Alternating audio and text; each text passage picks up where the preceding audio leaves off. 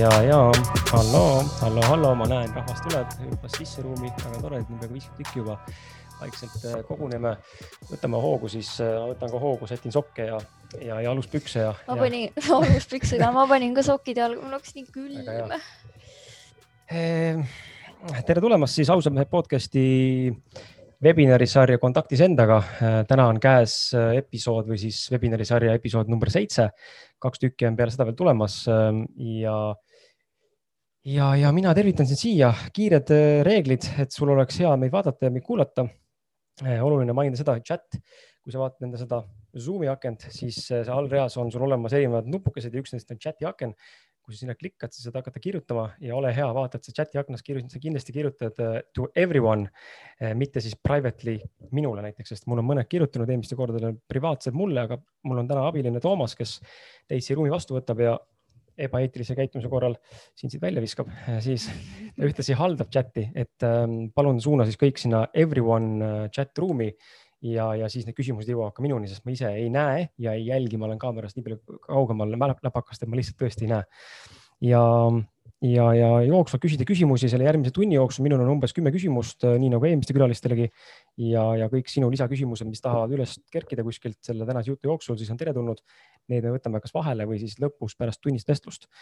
Äh, järelvaatamine, taaskord jälle väga oluline teema, kõik küsivad äh, korduvalt, järelvaatamine on saadaval ja tuleb saadavale. Mm, need hakkavad tulema alates kuuendast detsembrist kuni siis ähm, viieteistkümnenda detsembrini, kui ma matemaatikat õigesti teen, üheksa osa, eks ole. Äh, nad tulevad Kris Kala Youtube'i, tulevad ausad meeste Facebooki videona upload ituna ülesse ehk siis postitusena ja ühtlasi tuleb ka eraldi heli kõikidesse siis nendesse mm, podcast'i põhiplatvormidesse, kus meid juba täna nii-öelda saadaval on või võimalik kuulata on. nii et siis tead, need tulevad järjest, Merilin ilmselt oma saatega on seal kuskil noh, kolmteist detsember, midagi taolist sinnakanti mm,. Tulevad iga päev siis enne kuuendast kuni äh, mingisuguse päevani, kuni nii iga episood on. Ja, ja sellega on mul oluliselt infot praegu räägitud. kõige tähtsam asi loomulikult äh, kõige tähtsam asi, mida, mida, ehm, kui sa lähed miljon.ee koduleheküljele, siis äh, seal on suurepärane uudis sulle ja, ja mulle. Ja tegelikult ka Merinile ja kõigile, kes on raamatus kaasa löönud, et ausa mehe podcast'i äh, esimene raamat Kontaktis endaga, ausad vestlused elus ja pildis, esimene osa on, äh, on müügil, ta on eelmüügis praegu, mis tähendab seda, et poodi jõuab ta vahetult enne nii-öelda jõuluperioodi ja võimalik on väga suur tõenäosus, et paraku poes seda võib-olla põõlukuuse all endale panna ega osta ei jõua, seega eeltellimuse vormist või siis e-poest eeltellides nii-öelda saad sa endale soetada, hind on ainult kolmteist koma viisteist senti täna. Äh, suurepärane hind ja, ja ma päriselt äh, isegi mitte tungivalt ei soovita, vaid käsin heas mõttes osta, sest et äh, ma ei väsi kordamast, kui, kui hästi see raamat sai kokku pandud ja mitte, et siin endale rusikaga rinda taguda, vaid vastupidi ka teisi inimesi kiita, samuti Merilini ja tegelikult kõik, kes taga on olnud ja kõik, kes on meie saates kaasa löönud, et see on neljakümne kuue inimese pealt, kaasa arvatud minu, mina ise, äh, on siis raamat kokku pandud ja need kõik inimesed on üles astunud esimese saja äh, ausa mehe podcast'i episoodi jooksul ja sealt raamatust leiad siis äh, küsimusi erinevatel teemadel, olgu nad siis suhetest, seksist, ma ei tea, aususest, eneseteostusest, enesearengust, vaimsusest, esoteerikast, laste kasvatamisest, ärist, no tõesti, you name it, et seal on kõike. ja, ja ta on niisugune mõnus praktiline tööriist ja käsiraamat, kolmsada kuuskümmend kaheksa lehekülge, kui ma õigesti mäletan, üsnagi niisugune priske. Ja, ja ta on täis äh, nii-öelda siis saate kokkuvõtteid kirjalikke ja teistpidi siis pooled inimesed äh, on äh, kirjutanud sinna lisaväärtuse sellise blogipostituse või siis nii-öelda lisateksti najal, mis annab lihtsalt sulle jälle võimaluse natuke rohkem jõuda kontakti päriselt iseendaga, et ta on sõna otseses mõttes kullakange täis teos, et kui muidu raamatust, kui võtame muidu ühe raamatu kätte ja loeme seda, siis võime siit saada sõltuvalt raamatust sihuke kümme, kakskümmend head mõtet võib-olla siis seal raamatus on päriselt äh, ilma liialdamata, ma olen üritanud anda endast parima, et välja noppida sellised ähm, tõesti nagu väga head mõtted, mis sind kõnetada või, või mis sind kõnetada võivad. ma ei saa seda garanteerida, sest ma valikul olen teinud enda järgi, aga teades seda, et sa minu saateid kuulad, siis noh, ilmselt ma väga mööda ei saa panna seal. Ja, ja ma olen äh, välja valinud need äh, nii-öelda erinevad mõtted, mõtteterad inimeste poolt mis siis tõesti ähm, loodetavasti siin kõnetavad. nii et kui vähegi huvi on enda, enda arengu äh, juures järgmise sammu nii-öelda seadmise juurde või kõndimise suunas, siis anna tuld, et äh, miljon.ee ja raamatupoodi. ühtlasi tänase podcast'i või siis webinari jooksul kehtib sooduskood Merilin, kõik väiksed tähed. kui sa lähed miljoni koduleheküljele ja kasutad seda koodi, siis saad miinus kakskümmend viis protsenti kõikidelt raamatutelt, välja arvatud raamatud, mis juba on sooduskoodiga siis. nii et ja see kehtib seitsekümmend kaks tundi pärast tänast salvestust. nii et sellega on kohustuslik osata läbi ja nüüd ma lähen sissejuhatuse juurde ja siis juba saad sa sõna. Ehm, ja siis ma olen vait, sa räägid üksinda siis, et äh, paljas porgand ehk siis Merilin Taimre või siis vastupidi, mul meeldiks öelda Merilin Taimre ehk paljas porgand on elustiiliblogija ja ettevõtja praeguseks on ta kirjutanud viis retseptiraamatut. tema tegemisi jälgib eri sotsiaalmeedia platvormidel ligikaudu sada tuhat inimest ja kindlasti see number on täna kasvanud. Eh, Melinile meeldib meeletu reisida, ennast harida ja arendada. ta on äärmiselt mitmekülgne noor naine, oma persooni tegemistega eeskujuks, inspiratsiooniks ning motivatsiooniks väga paljudele inimestele üle kogu maailma ja üle maailma just sellepärast, et tegelikult jälgijaskond on globaalne. ja tänasel webinaril räägime naise naturaalsest menstruatsioonitsüklist, väga mehine teema eh, ja, ja selle tundmisest intuitiivsest toitumisest, katalüsaatorid versus juurpõhjused, emotsioonidega kooskõlas olemisest ja enda kehtestamisest ning loomulikult lõpuks siis on eesmärk jõuda selleni, kuidas olla paremas kontaktis endaga. nii et äh, sihukese väikse ülevaate sissejuhatusega ma tervitan sind, aitäh sulle, et sa mind oma koju lasid kui raske oli kui raske. nii kaua vaikida. Mina kui raadiohääl, siis mul on ka väga oluline, et äh, kui mikker on ees, siis ma saaksin ikka pläriseda võimalikult palju. Ja Instas ma ka ju plärisen nii palju, nii et tere tulemast siis minu koju ja aitäh kõigile, kes te siia olete kogunenud ja olete huvitatud sellest, mis minul on omalt poolt rääkida, ütleme nii, et käänuline tee on selja taga ja ma võtan teid nendesse käändudesse kaasa, et te saaksite juba mööda sirgteed siis otse edasi ise panna. et kes veel kursis ei ole, siis mind leiab jah Instast, Facebookist, blogist paljasporgand.ee ja retseptiraamatutes töötan ka juttu täitsa minust elust enesest ja minust endast, et äh, ei ole ainult retseptid, vaid kõike kasulikku paremaks eluks samamoodi. Ja aitäh, Kris, et sa mind siia või noh, aitäh, et sa ennast minu koju kutsusid. Sisse pressisin niimoodi. Isegi su mehe pidime välja viskama. ja, mees sai välja visatud. Aga lähme siis esimese küsimuse juurde ja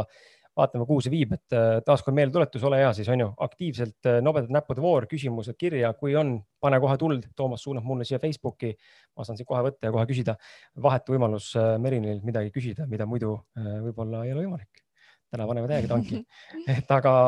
räägi siis, mis sa arvad, Merilin, mis sinu meelest võiks tähendada üldse iseendaga paremas kontaktis olemine ja kuidas sina seda mõistad, sellist terminit kontaktis endaga paremini olemine ja, ja milles,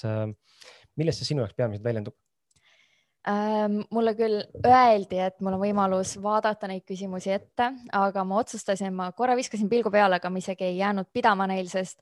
ma tunnen, et meil on igapäevaelu on muutumises, nii et äh, iga päev mul tuleks erinev vastus ja ma ei taha mõelda välja mingit vastust, mis võib-olla täna ei oleks sada protsenti mina.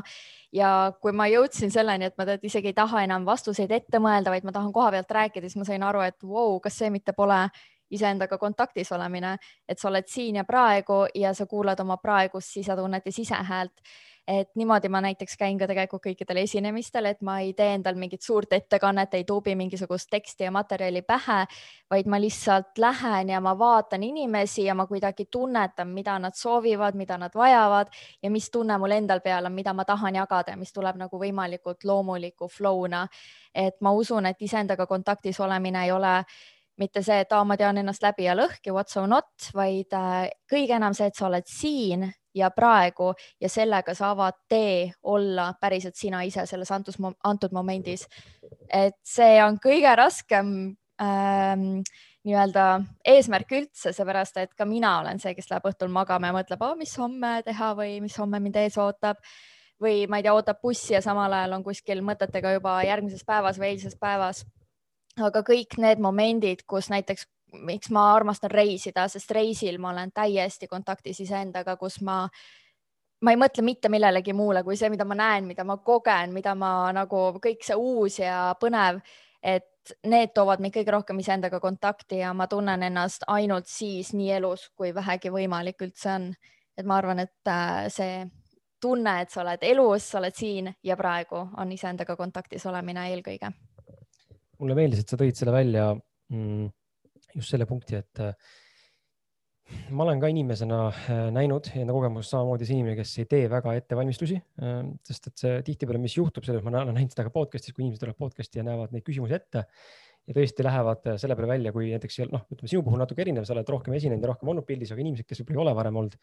siis see kogemus nüüd avalikult midagi rääkida, jagada siis teinekord äh, läbi nende ette manata küsimustega, küsimuste teenindamine paneb sulle väga palju pinget peale, sest sa tahad vaata kõiki asju ühte, ühte teksti nagu kokku pressida, kõike välja anda. ja meil on nagu loomuses, mulle tundub, vähemalt mul endal on see, on see enda piitsutamise koht, et äh, saab läbi mingi asi või ära salvestamise tekib see mõte, et kurat, aga see midagi, vaata see jäi ütlemata, oleks saanud paremini öelda, onju, et mhm. alati on neid asju, mida saab nagu teha paremini ja lihvida paremini, aga niimoodi tehes sa ei jõua mitte kunagi oma mingi sisuni välja mm. -hmm. ja mulle meeldis, et sa tõid just sellesama näite välja, et selle kontaktis endaga olemise juures et tunnetada seda, mis päriselt tahab tulla siis, kui sa selles hetkes oled, sest ette mõelda ei ole mõtet, sa võib-olla oleks eile võinud mõelda välja need küsimused, vastused ka ja täna mm -hmm. hakkad tulema selle pealt, mis sul eile mõttes ja nüüd tuleb midagi muud sisse tulla, võib tekkida error onju. ja sul tekibki error ja ta surub sind boksi ja siis, kui sa lõpuks näiteks oletame, et okei okay,, esimesed paar küsimust on kerge vastata peast, aga kui jõuab mingi viiendani, sul tekib nagu juba seos näiteks, mis Kris on rääkinud, aga siis ma tunnen, et aa, mul on ju ette mõeldud, mida ma pean vastama, et ma ei taha pigem sinna minna, muidu mul läheb kõik meelest või läheb sassi või ma lähen nagu väljapoole oma ettenähtud rada ja tegelikult samamoodi ma olen üldse kogu oma elus käitunud, et äh, isegi kui mul on mingi unistus, aga ma näen, et lihtsalt no, no ta ei tule praegu välja kuidagi, et nii palju takistusi, see läheb pekki, see ütles aja ära, see, ma ei tea, makse ei läinud läbi nagu just kasvõi reisiga. mul makse ei läinud läbi ja ma olin juba mingi, mis mõttes, et kas nagu universum hoiab mind reisi ostmast või mis värk on, et äkki ma tõesti peaks kartma lihtsalt selleks, et kahe päeva pärast olid need piletid viiskümmend protsenti soodsamad, siis ma olin jälle nagu, et kõik juhtub siis, kui ta peab juhtuma. Ja üldse jah, samamoodi kõikjal elus, et äh, kus sa nagu lihtsalt lased lahti ja mulle meeldib hästi, kui öeldi inspiration vortex, et äh, kui sul tuleb peale see nagu, sul tekib niisugune maatriks, kus kõik läheb hästi, siis ta peabki minema ja sa ei pea tegelikult elus vaeva nägema, et saavutada seda, mida sa tahad. et kõike, mida ma elus teen, kui ta ei tule mulle kergelt, siis ta tuleb mulle mingi aeg kergemalt, et ma püüan mitte kunagi pingutada millegi nimel liiga palju. see inspiration vortex, äh, ma rääkisin sulle vaata sellest äh, vene kirjanikust Vadim Zeland tema nimetab seda edulaineks mm. -hmm. see on see, kui kõige roheline mm -hmm. tuli, kogu aeg on konstantne roheline tuli, siis on see edulaine. et aga selle võib maha kukkuda mm -hmm. mingitel põhjustel ja seda ta räägib ka, aga see on huvitav, et sa mainisid läbi teistsuguse termini seda, et mm -hmm. ma olen ka mhm. näinud seda enda puhul ka, et mingite asjadega on lihtsalt niimoodi, et noh, niisugune tunne, et paned jalad diivanile ja käed kukla taha ja lihtsalt, lihtsalt mm -hmm. täiega kruiisid. kui sa saadad välja seda, sa saad jah, et äh, läbi mingi raskuste lihtsalt nagu sõtkuda, sa jõuad kohale, aga kas sa oled õnnelik, kui sa lõpuks kohale jõuad, et sa pead arvatavasti väga palju asju ohverdama. aeg, pere, perega olemise aja, raha või mis iganes, sa pead nii palju panustama, sa pead nii palju vaeva nägema, sa pead nii palju nagu äh, sinna jah, panustama siis mm. -hmm et äh, kui sa oled seal maatriksis, kus kõik läheb nagu hästi, siis see lihtsalt jõuab sinuni, sest see on loodud sulle äh, räägi sina ka kaasa kommentaariumis, et äh, kas sa oled pigem inimene, kes planeerib enda vastuseid või küsimusi või, või mingisuguseid ettekandeid elu. või elu nii-öelda jubedalt või sa oled pigem nagu sihuke spontaanne üleni või siis mõlemad äh, mingisuguse seguga onju? ma arvan, et eks kokkuvõttes me kõik oleme veits segu, et pulma see päris planeerimata nagu ei lähe selle peale, et tuleb siis, kui tuleb, et äh, ikka pead ette planeerima. nõus, võtame Eh, vot võtame selle teema, sellesama menstruatsioonitsükli teema. Mulle tundus see põnev, sellepärast et mina mehena olen täna nagu see mees ja ma arvan, et sinu elukaaslane on samamoodi tegelikult see mees, kes suudab sellise teemaga suhestuda ja suudab nagu kaasa mõelda ja aru saada sellest, et tegelikult sellel on mingi roll ka mehel või vähemalt selle mõistmisel. E, ja siin siitpoolt nagu kaasa panustamisel, et naisel oleks kergem olla, et võib-olla tundubki võib-olla mõnede meeste jaoks, mõningate meeste jaoks tundub sihuke, et nagu what the fuck, mis kuradi menstruatsioonitsüklist me räägime. aga äh, räägime siis sellises kontekstis, et äh, läbi sinu ja mina üritan siis mehena panna seda samastuma niimoodi, et kõik mehed, kes täna meid vaatavad, samastuvad sellega, ilma et need endal see oleks, onju. aga küsimus on siis selline, et äh, naisena endaga paremas kontaktis olemine on kindlasti veidi erinev, kui seda on mehena. sa tõstatasid webinari eel, eelselt siis soovi rääkida naturaalsest menstruatsioonitsüklist. palun selgita, mida see tähendab sinu jaoks mida see naise jaoks tähendab ja kuidas mehed võiksid selles teemas osata kaasa rääkida või hoopis õppida, et näiteks kodus oma naist paremini tunda ja toetada ma ütlen ausalt, sa oled esimene mees, kes on öelnud, et räägi mulle oma menstruatsioonist, tavaliselt on pigem see, palun palun ära räägi, me käime sõpradega topelt. palun räägi detailselt käime sõpradega topeltdateidel või mingi sõpradega kokkusaamised, siis kõik teavad lihtsalt, millal mul on päevad, nad teavad täpselt, kui head päevad need on või mis on valesti. et see on veits veider, aga noh, ju siis peate teie ka kõik teadma um,. see on üks, see on üks väga-väga keerukas ja raske rada, mille ma olen jällegi läbi käinud, et äh, mul on nagu neid äh, paralleelseid radu väga palju, üks on toitumine, üks on trenn, üks on äh, iseenda armastus, üks on siis vaimne teekond, siis on seal see mensuratsiooni teema just, et Vau, kus ma alustan äh,? noorena mulle visati pillid peale väga kergekäeliselt, olin üks nendest äh, õnnetutest äh,. paljudel ma ei ütle, et kõigil tekivad mingid sümptomid või mingisugused äh, kõrvalnähud, aga suurem enamus ikkagi kannatavad antibeebipillidega või siis noh äh, plaastritega või siis implantaadiga või spiraaliga, et neid variante on tänapäeval väga palju ja paljud lihtsalt ei tea seda, nad lihtsalt arvavad, et kõik on korras, kuni näiteks tulevad kasvõi maha ja siis tekib neile metsik akne ja nad ei oska seda millegagi kokku viia, et seal on nagu metsikult palju sümptomeid, kes tahab veits vähegi nagu teada, siis. Mul on Instagram lihtsalt paksult täis seda materjali, kaasa arvatud ka blogi, aga Instagrami highlights'id alt leiate kõik need naiste sümptomid ja kõik asjad. et sellel ma nagu rohkem ei hakka peatuma, sest ma ei tee siin mingit äh, antibeebipillide vastast liikumist, aga ma tahan rääkida pigem just endast, et mis muutus oli see, et äh, ma otsustasin mingi aeg lihtsalt pausi teha, ma läksin Austraaliasse ja siis ma ei saanud neid samu pille, mis mul Eestis said, mul said vist otsa ja siis ma mõtlesin, noh, ma teen siis pausi, vahet ei ole, et ma olen juba mitu aastat neil olnud ja mul tekkis metsik akne, nagu metsik akne, mul oli lõug niimoodi täis, et kui sa oled veel Austraalias soojal maal, kus sa, kus sa ennast nagu salli taha ei peida, onju, siis ma reaalselt kandsin suvel isegi mingit kergemat salli, et peita oma lõuga, ma kandsin kakskümmend neli H meiki, ma olin veel hästi selline, ma hospitality's töötasin, siis ma pidin väga esinduslik välja nägema. ja mul lihtsalt nagu enesekindlus kadus sajaga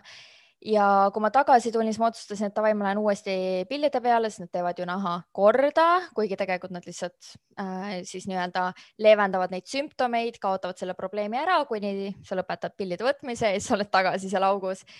ja siis mul juba ei läinud enam see akna nii kergelt ära, ta jäi, aga mul tekkis veel seljale akne ja mul tekkis jalgadele, kätele, mul läks kogu aeg üldse tervis läks nii palju kehvemaks. Ja siis, kui ma läksin bikiini fitnessi, siis ma tulin neilt täiesti maha ja ähm, siis pärast seda, kui ma hakkasin uurima, mis asjad on või kuidas need üldse toimivad, siis ma olin šokis, mida ma üldse oma kehal olen teinud, nagu miks ma ennast sünteetiliste hormoon, miks ma olen steroididel olnud viimased mingi kaheksa aastat, on ju, seitse aastat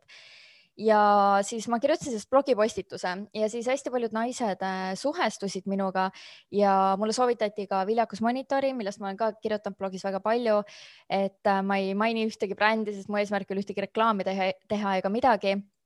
aga viljakusmonitor andis võimaluse mul ennast kraadida iga hommik ja okei okay,, mul alguses tsükkel oli jumala paigast ära, sest hormoonid keeravad kõik paigast ära, aga kui ma kraadisin ennast ja ma hakkasin nägema neid äh, nii-öelda äh, skaalas või mis iganes, et kuidas mu keha nagu fluctuate ib ja mis hetkedel näiteks mul tekivadki, seal sai panna äppi siis kirja kõik, et kus on valud või suurem veritsus, väiksem või mingi akne tekib või siis menstruatsioonieelselt tekivad kabunnid et kui ma nagu sain seda kõike hakata niimoodi jälgima, et miski ei olnud enam nagu juhuslik, siis ma olin mingi wow,, kõik on nagu väga süstemaatiline tegelikult. Ja ma hakkasin enda keha nagu nii vaikselt tasapisi tundma, ma nagu õppisin, siin võib väga rõvedaks minna oma jutuga aga ma tean ühte naist, kes tuli lihtsalt minu juurde, hakkas rääkima oma päevadest, ta rääkis nagu kõigest, kus ta nagu katsub ennast seest ja vaatab täpselt, et mis konsistents on, mis lõhn on, rääkis mulle kõigest, ma mingi wow, TMI nagu. Nii et ma teile seda praegu siin ei paku, aga ütleme nii, et ma jah, hakkasin ka ennast veits rohkem avastama, et vaadata ja jälgida ja kõike ja siis äh, ma avastasin enda jaoks ka äh, kapi, mis on siis menstruaalanum et äh, ma sain teada, et tampoonidesse lisatakse igasuguseid sünteetilisi aineid ja nad tekitavad äh, bakteriaalset ülekasvu ja kõike, sest see vana veri istub su sees ja see on lihtsalt nagu kohutav, sest see puutub kogu aeg sinuga kokku ja mikroobid ja kõike ja tupeseened ja mis asjad sealt võivad tulla, aga ma kõike seda lugesin, ma olin mingi, miks naistele tehakse nii nagu nii ilus loomulik asi, et mis nagu näitab, et naine on viljakas ja tugev, aga kõik, mis sellega kaasneb, on nagu iu ja rõve ja kõik nagu salgavad maha ja keegi ei mõtle nagu häid võimalusi välja. Ja siis, kui ma läksin kapi peale, siis sealt muutus ikka eriti, ma nägin täpselt oma menstruaalverd ja ma sain aru, et nagu minu jaoks intuitiivsus tähendab ka seda, et minu menstruatsioon on märk sellest, kui terve naine ma olen äh,, kuidas minu eelmine kuu on möödunud ja näiteks oligi mul oli stressirikas periood, mul olid räiged kõhukrambid, mul oli veri teist värvi, mul oli ta teise konsistentsiga, kogus oli erinev. kestvuspäevades oli erinev ja nii edasi, et nagu mul hakkas kõik järsku, ma nagu õppisin kuidagi nii hästi oma keha tundma, ma tean praegu päevapealt, millal mul on ovulatsioon, ma tean lihtsalt enesetunde järgi. ma tean oma tujude järgi, millal mul umbes päevad hakkavad, ma tean täpselt, kui mul nüüd tekib mingi punns, ma tean, et okei okay,, nüüd ülehomme peaksid hakkama päevad ja nagu see kõik teekond on läinud nii palju edasi, pluss kuna mul on ka see tervise ja toitumise teekond, siis ma avastasin, et ma saan ennast enda menstruatsiooni teha ideaalseks ja tervendada veel toitumisega ja igasuguste probiootikumide asjadega, nii et kui ma tervendasin veel oma toitumise ja soolestiku ära, siis mul, ma reaalselt pole kunagi olnud nii hea sõber enda emakaga, kes ikka iga kord enne menstratsiooni muidu tagus mind täiega, nii et ma olin kõhuli maas ja nutsin, aitab, palun mitte enam ja ta ikka tagus edasi. et õnneks tänaseks päevaks on niimoodi, et ma, ma lausa nagu, ma tunnen ennast nagu eriti naisena, kui mul on päevad ja nagu mul mees näeb seda kõrvalt ja noh, ütleme nii, et mu mees on saanud korraliku hariduse ka juba sel teemal ja ta oskab vist kõigega kaasa rääkida. et ähm, ja ma arvan, et kui me lõpetame igasuguste sünteetiliste vahendite ja nagu niisuguste nii-öelda asjade peitmise ja me lähme tagasi oma juurte juurde, siis nagu väga palju ilusaid asju võib sündida. sa mainisid seda sõna kontaktis, noh nagu paremas kontaktis enda kehaga, et see termin kontaktis endaga, ehm, ka mina ei viita, ei viita siin selle webinari sarja jooksul või üldse selle sõna juures ainult sellele, mis toimub su peas vaid just nimelt ka see, see intuitiivne pool, mis sa rääkisid just keha tunnetamise osas, et äh, selge on see, et naised on veidi intuitiivsemad äh, kui mehed võib-olla ja tundelisemad ja, ja selles mõttes emotsionaalsemad. et minu meelest on see, see on hea näide, miks ma palusin seda küsimust, küsimust nagu vastata, sellest minu arust on see hea näide, kuidas olgu ta siis see menstruatsioonitsükkel või, või toit või trenn või, või mis iganes muu kuidas tegelikult läbi selle on võimalik jõuda iseendaga paremasse kontakti, sest sa õpid ennast palju paremini tundma mm -hmm. ka mhm. läbi kehalise nagu füüsilise aistingu. ja, ja sealt tekib nagu see enesekindlus, mis viib enesearmastuseni ja see, et sa tunned oma keha läbi ja lõhki, et see ei ole see, et aa, mis asja, miks mul täna päevad ära jäid või mis iganes, et enamik naisi jooksevad kohe äh, testi tegema, aga ma tunnen ära, ma tunneks kohe ära, kui ma oleks rase või ma tunneks kohe ära, kui midagi oleks valesti, et ma ei tea, ma lihtsalt, ma tunnen, et mu keha on nüüd nagu päriselt minuga seotud mm, -hmm. enne see oli lihtsalt nagu, et mu keha ja mina ja mu mõtted, aga nüüd ma, ma ei oska seda sõnadesse panna, aga ma tunnen, et mul on nagu üks tervik ja mitte miski ei suuda seda enam lahutada, mhm. et mitte keegi ei saa sinna vahele enam tulla. Äh, okei. Mm. Lähme siis, äh, lähme siit edasi selle jutu juurde, et ähm, noh, natuke puudutab see spontaansust ja intuitiivsust, aga just selle koha pealt, et äh, elus valikute tegemine, sa võid ka meile kirjutada sinna, kuidas sina neid valikuid teed, kas sul on, ma ei tea, kasutad sa pendlit siis pea peal või ma ei tea, jooksed ümber maja või mis sa nagu teed, onju, et mis on need sinu rakmed ja sama küsimus sulle, et mis, kuidas sina enda elus erinevaid valikuid erinevaid valikuid nagu teed, onju, et millest sa lähtud valikute tegemise jooksul, kas see on intuitiivne, see on spontaanne, see on kuidagi mingisuguse, ma ei tea, mõistustasandilt, on see läbi mingite matemaatiliste võrrandite onju või mis sa nagu teed, et kuidas, kuidas läbi valikute jõuda ka eh, endas selguseni? kuigi ma olin koolis äh, viis matemaatikas ja mul oli nagu keemia, füüsika, kõik väga meeldis ja kõik läks väga hästi ja siis äh, ütleme ausalt, et äh, ma olen numbritega selles mõttes väga kehv, et mitte, et ma neid ei mõistaks või et ma neist aru ei saaks. kõige hullem on lihtsalt see, et ma ei suuda äh, panna oma otsuseid numbrite äh, nagu taha. ma tean, et mina ei saaks kunagi mingi turundusjuht või mingi turundusassistent olla, sest äh, vaadates just, et mu kaaslane teab täpselt palju tal Youtube'is mingi asi, mingi kõverad tähendavad ja et ah, siin on mingi vaatajaminut see ja see, ta teab täpselt kõike ja kui ma vahepeal ütlen, et ah, ma ei saa üldse aru, miks mul see postitus ei keri nagu, siis davai, võtame statistika lahti ja vaatame üle, kus nagu lugemine lõppes ja kõike, ma mingi ei, ma ei taha, nagu ma ei taha, see ei ole nagu, see ei ole minu jaoks kuidagi intuitiivne, see on minu jaoks nii süstemaatiline ja ma ei ole süstemaatiline inimene. mul on pigem see, et äh, kui keegi ka küsib, et kuidas sa kasvatasid oma sotsiaalmeediakontot, ma pole mitte kordagi mõelnud välja plaani, kuidas kasvatada seda. ma arvan, et see seisab mul juba mingi aeg nüüd pikemalt ühes kohas ja mul ei ole seda, et oh, ma pean nüüd välja mõtlema, et äkki mingi uus teema või äkki ma panen mingi siukse pildi, et äkki siis toob rohkem likee, et mul on nagu nii suva like idest, kommentaaride arvudest. ma teen isegi väga ebaratsionaalseid otsuseid oma sotsiaalmeedias, aga lihtsalt selle võrra, et ma tunneksin ennast seal hästi, mitte see, et mul oleks mingi number või mingi statistika näitaja parem. et äh, selles mõttes ma olen nii sihuke, palun, ma ei taha nendest numbritest kuulda mitte midagi küll aga, kus tulevad numbrid väga mängu, on see, et ma olen hästi täpne inimene, nii et kui näiteks räägime kellaajast, siis ma olen alati õigel ajal, isegi viis minutit varem kohal, et seal mulle väga meeldivad jällegi numbrid, aga see on lihtsalt kuidagi mingisugune täpsus, mis lihtsalt tuleb must, ma ei tea. see punktuaalsus. punktuaalsus jah, et see on mul õnneks paigas, et selles mõttes väga kaootiline ma ei ole aga ma olen lasknud ka pendeldada, et äh, ma tean mõnda inimest, kes pendeldab ja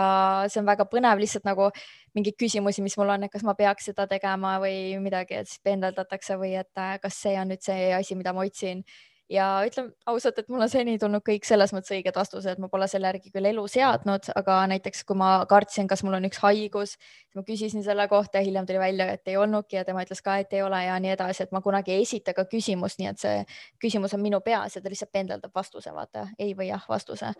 et selles mõttes on eriti äge, et ta isegi ei saa nagu midagi välja mõelda lihtsalt, et ah oh,, ma arvan, et ta päriselt ei ole, nii et ma ütlen, et ei ole, onju. Mhm. Aga noh, see täiesti aside, et äh, ma olen käinud ka ruuniteedi juures, kus mul on ruune pandud, et see on ka väga põnev, aga jällegi ma ei ole oma elu selle järgi seadnud, mul on lihtsalt kuidagi, lihtsalt kuidagi põnev nagu inimesed, kes loevad horoskoopi, et neil on ka arvatavasti lihtsalt põnev, et ah, midagi räägitakse minu kohta. aga kõik otsused tulevad täiesti siit kohast, ma võin teha üleöö väga ootamatuid otsuseid kasvõi selle korteri leidmine oli täiesti ootamatu, spontaanne, lihtsalt davai, see ma tunnen õigesti, mu tunne on õige, mind ei huvita mitte miski muu, et palju miski muu korter kuskil maksab, mind ei huvita, ma tahan seda. ja igasugused eluotsused, karjääriotsused, ma olen kõik niimoodi vastu võtnud ja ma olen väga palju koostöid lõpetanud, kusjuures sisetunde järgi miski siin ei ole õige, isegi kui mul on näiteks leping ja kasvõi väga hästi võiks see mulle tasuda mingi aja jooksul, siis ma olen lihtsalt, et ma ei tunne ennast hästi, ma, sorry, ma pean selle koostöö lõpetama, ma ei saa seda teha. kas see on see, mis sa ütledki inimestele, ma just tahtsin küsida, kuidas nagu, et kui kellelgi on, noh, ma ise olen ka kogenud seda, ma olen samamoodi aus ja ma näen, tegelikult ma tean, et sa oled samamoodi, et kui inimesed täna kuulab meid ja mõtlevad hmm,, et lõpetan ka koostööd ja projekte või tulnud töölt ära või midagi teinud nagu jätkanud pooleli, siis kuidas öelda inimesele, et tead, mul on tunne sihuke, noh, seda ju aktsepteerid tavaliselt. ja see ongi nii naljakas, et keegi ei aktsepteeri seda ja tegelikult ma vaatasin just üliägedat Youtube'i videot ka, kus räägib ausate inimeste äh, nagu elust, et maskiga elu versus ausa inimese elu et maskiga inimesed on palju aktsepteeritavamad ühiskonnas, sest keegi ei salli ausust. Ja ma tean, et mind salli, väga paljud ei salli mind, sest ma olen vahepeal lausa nagu liiga otsekohene või liiga aus. Ja sama ka väga lähedases näiteks perekonnaringis, oma perekonnaringis, mul on selles mõttes väga raske hakkama saada, sest ma lihtsalt olen liiga aus, ma ütlen kohe välja, et nagu kuule, see asi või mis iganes ja teised on nagu, kas sa ei saa lihtsalt seda nagu endas hoida ja nagu lihtsalt teha head nägu, ma mingi, ma ei saa, ma lihtsalt nagu, mu sees miski ei luba, ma ei saa teha head nägu, kui ma ei ole õnnelik, nagu ma, ma valetaks endale, ma reedaks ennast, ma ei saa seda teha. Ja see tegelikult kajastub mul ka sotsiaalmeedias väga kõvasti kindlasti, et näiteks kui mul ongi kehv päev, ma ei naerata teile, vaid ma, ma ütlen, et teate, mul on ülikehv päev ja mul on täna väga halb body image day või mis iganes ja ma nutan teie ees, sest ma tunnen, et nii ma ei reeda iseennast, et mul on savi, mis keegi teine arvab ja selles mõttes jah, ma ütlen väga ausalt koostööde osas, et teate jah, et ma ei tunne ennast hästi seda koostööd tehes või et äh, ma usun, et meie teed viivad lahku või midagi, et nagu võib-olla natukene sõnastan paremini, ei ütle, et ma nagu ei süüdista kunagi, teine pool ei ole kunagi süüdi mm, -hmm. vaid miski minu sees lihtsalt ei luba seda teha. ja ma arvan, et inimesed võiks seda palju rohkem aktsepteerida ja samamoodi ka, kui keegi kutsub mind kuhugi, ma ei ole mingi, et aa, mul on vanaema sünnipäev ma ei saa vaata, vaid ma ütlen ausalt, ma ütlen isegi, võin perele ausalt öelda, et ma ei soovi tulla külla, et mul ei ole nagu mitte mingit probleemi olla aus, isegi kui see teeb teistele haiget, sest kokkuvõttes me elame iseendaga ja ma teen ma ei taha endale nagu haiget teha või endale valetada või enda usald-, sest me ise peame usaldama ennast, vahepeal on, mul on olnud vähemalt elus nii, kus ma isegi ei usalda enda otsuseid ega valikuid, sest ma olen olnud enda jaoks nii ebausaldusväärne, kus ma olen ennast nagu reetnud pidevalt mingite otsustega, mida ma teen teiste jaoks või et lihtsalt kellelegi meeldida või näha välja mingit moodi ja ma ei taha enam kunagi sinna auku tagasi kukkuda. see on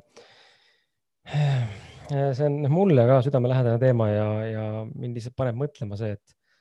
ähm, väga raske on äh,, vaata, väga raske on teinekord äh, just nimelt see ausus, ausus teebki asja raskeks, sest inimesed tahavad võtta asju isiklikult mm. -hmm. aga, aga see enda tunde kuulamine ja, ja just nimelt see ütlemine näiteks, et äh, ma ei tea, ma ei taha seda teha või, või, või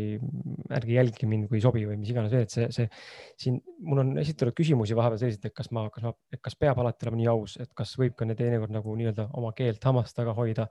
siis mul on sama vastus alati olnud, et ma ei suuda seda teha. või? ma ei pea nagu teisi, ma ei pea nagu, ma ei pea nagu teisele inimesele seda välja ütlema, et Ahah. noh, et umbes, et sa oled kole onju või sul on Jaa, kole kole kleit, see Jaa., see ei ole see, millest me räägime oota, mis praegu. asja, mis mu kleidi viga on? see pole see, millest me räägime, onju, aga just see, et enda nagu eest nagu seista selles osas, et kui sul on, kui sul tekitab mingi vastuolu, siis sa ei pea hakkama mõtlema välja mingisuguseid ebaolulisi või nagu mingeid täiesti naeruväärseid vabandusi selleks, et Mhm. teisele selitada, et ma ei tea, ma ei tule sinna või ei taha teha, vaid, vaid julgus öelda, et mulle see ei sobi. sest sinu julgus öelda, et see sulle ei sobi, näitab sinu eneseväärikust ja enesekindlust mm -hmm. ja kui tema võtab seda isiklikult, siis see näitab tema just vastupidi, et ta ei ole piisavalt enesekindel, et ta nagu seab kahtluse alla kohe enda väärtuse. Ja kusjuures seda tunneb täiega ära, sest meil on ka olnud, me oleme ju ka vanad sõbrad, et ka meil on olnud ju vestluseid, kus näiteks ma olengi ausalt öelnud näiteks, et ah, seda ma praegu ei soovi või seda ma ei taha teha. Ja kõige ägedam on see, et sa tunned ära teise enesekindla inimese või nagu enda vastu ausa inimese, kui ta ütleb, et see on täiesti okei okay, ja äkki teinekord või midagi. Ja sa tunnedki ära, et vau wow,, see ei olnud nagu see, et aga oota, mis asja, mis ma nagu või tal ei teki kohe seda nagu kaitsvat positsiooni mm -hmm. või mis iganes. Ja sinu puhul, kusjuures ei ole seda kunagi olnud, mistõttu ma tunnen eriti mugavalt sinuga nagu sul lihtsalt ausalt öelda, mis ma tunnen või mis on või kas mul on aega või ei ole. Ja see on väga äge, nii sa leiadki need õiged päris inimesed üles. Kes, kes mõistavad, aga, aga noh, siis küsimus võib-olla inimestel võib tekkida, ma praegu oletatavalt võin seda küsida, et mis me endagi vahepeal pähe karanud on see, et aga kust võtta see julgus, et olla nagu aus, eriti ju just lähedastega asjadega, ma ei taha ju kellelegi halba öelda ja kui me ütleme, kui me räägime aususest ja otsekohesusest, siis, siis mina, ma kirjutasin Facebooki sellest alles hiljuti paar päeva tagasi, et see brutaalne ausus või selline brutaalne otsekohesus ei tähenda seda, et ma tulen halvast kohast, ma tulen alati armastavast kohast, lihtsalt ma kasutan selleks väga otsekohest versiooni mm. -hmm. Aga inimesed äh, ei saa sellest tihtipeale aru ja seal teistpidi, kes ei ole seda ise proovinud, aga tahaks võib-olla nagu selles mõttes natuke rohkem ausalt äh, kellelegi midagi öelda või ennast väljendada, siis puudub see julgus. mida nad kardavad, ma ei tea, ilmselt hukkamõistu või mittemõistmist. hukkamõist on kindlasti esimene hirm um,. ma ei tea isegi, kas ma tahan seda inimestele soovitada, sest mulle öeldakse Tahame. ikka veel, mulle öeldakse ikka veel päevast päeva, ole vähem sina ise. saad sa aru, kui palju seda mulle tuleb, seda ei tule isegi, seda ei tule nii väga suvakalt, et see tuleb rohkem nagu sõpradelt ja Mhm. lähedastelt ja perekonnaliikmetelt, kus on nagu, et miks sa ei või lihtsalt teha naerunägu ja teeselda, et kõik on okei okay,, sa ei pea oma arvamust avaldama. Siis ma olen nagu mingi, miks ma pean? ma ei saa aru, Mm. kas me peame siin maskidega elama või mis värk on ja see on nii vastukarva, et ma lihtsalt, ma ei suuda isegi väljendada, kui vastukarva see mulle on. miks ei või inimesed õppida rääkima üksteisega ja lahendama muresid selle asemel, et matta nad mulla alla või nagu antibeebi pillid, et matta oma akna selle pilli alla onju, et see ei ole mingi lahendus, lõpuks sa kaevad ikka selle sita sealt üles ja õige. Äh, kuidas jõuda rohkem sinna, kui sa oled valmis võtma seda, et su lähedased ei taha sind enam võib-olla näha nii tihti? Et äh, ma äh, ise käisin just äh, ühes koolis rääkimas lastele, lihtsalt nad küsisid, kuidas sa nii enesekindel oled, sest lihtsalt õhkab mingit enesekindlust või enesega rahulolu onju. ja siis ma hakkasin mõtlema, et aa, vau, väga huvitav, et nagu äge on seda viimasel ajal nagu kuulda, et kunagi ei oleks keegi mulle seda öelnud ja siis ma hakkasin mõtlema, et see tuleb kindlasti sellest, et mul tekkis nagu see ongi samm-samm, see ei ole nii, et davai üks asi ja nüüd kõik on käes, vaid tuligi see, kus ma õppisin olema intuitiivne, kusjuures kontaktis endaga läbi toitumise, läbi oma kehatunnetuse treenimise, kindlasti ka näiteks seksuaalsel viisil, kui sa oled omaga endaga kontaktis julged ennast seksuaalselt väljendada, siis äh, samamoodi see menstruatsioonitsükli teema, et kõik need pisikesed sammud, kus ma viisin oma elu üle lihtsalt sellele, et ma lähtusin sisetundest siis ma ütleks, et see tõi minuni enesekindluse, enesearmastuse, kus ma õppisin päriselt ennast tundma, sest sa ei saa armastada ennast, kui sa armastad mingit versiooni ennast, vaid siis, kui sa armastad päriselt seda, mis su seest nagu välja tahab paisata, siis see on nagu enesearmastus.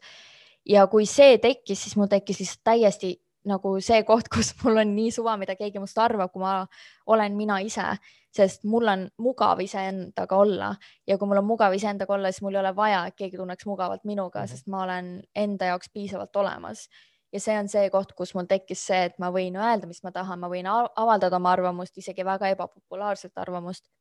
ja ma võin öelda inimestele täpselt, et ma ei taha tulla või ma ei tunne ennast mugavalt su ümbruskonnas või ma ei, mis iganes nagu,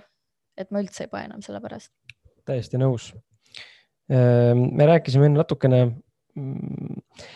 sa mainisid tegelikult enne selles menstruatsioonitsükli juures äh, sellist ähm, terviklikku tervise nagu terminit ja mul on, ma näen, see on järgmine küsimus sellega seonduma ka, et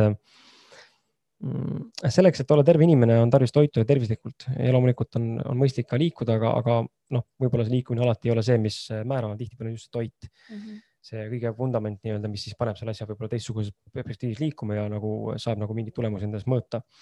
Minu küsimus sulle on see, et äh, mis on sinu jaoks tervis äh, ja kuidas sina selles maailmas äh, toimetad? sest et sul on no, tegelikult selja taga väga-väga-väga suur kogemus läbi testimiste reaalselt. oo jaa ähm,, noh kuidas ma toimin, on nii, et praegu ma näiteks olen ilma söögi ja veeta olnud kakskümmend kaks tundi ma olen praegu parasjagu kuivpaastul kes mu Instat ei jälgi, siis need ei ole vist kuulnud, aga blogis on postitus ka selle kohta, enne kui te viskate oma sussid püsti, et issand, sa ei joo vett või sa koosned kaheksakümmend protsenti veest, mis mõttes sa ei joo vett. et äh, siis minge lugege mu blogipostitust väga põhjalik ja saate kõik oma vastused. et ma usun, et seal on lihtsalt nii palju erinevaid viise ja need viisid, mis sind kõnetavad ja mis tekitavad sinus nagu selle, et sa tunned mugavalt, kuigi alati ei tohi mugavalt tunda, peab nagu üle mugavuspiiri ka minema, et oma, et miski nagu saaks muutuda päriselt. et minu jaoks on see tervislik toitumine, piisav liikumine, ülihea uni ähm,, siis ma hoidun dopamiinilaksudest ehk siis ma ei vaata telekat, ma ei kuula raadiot, ma ei chill'i Youtube'is, ma ei scroll'i Instat ega Facebooki, ma ei jälgi kedagi.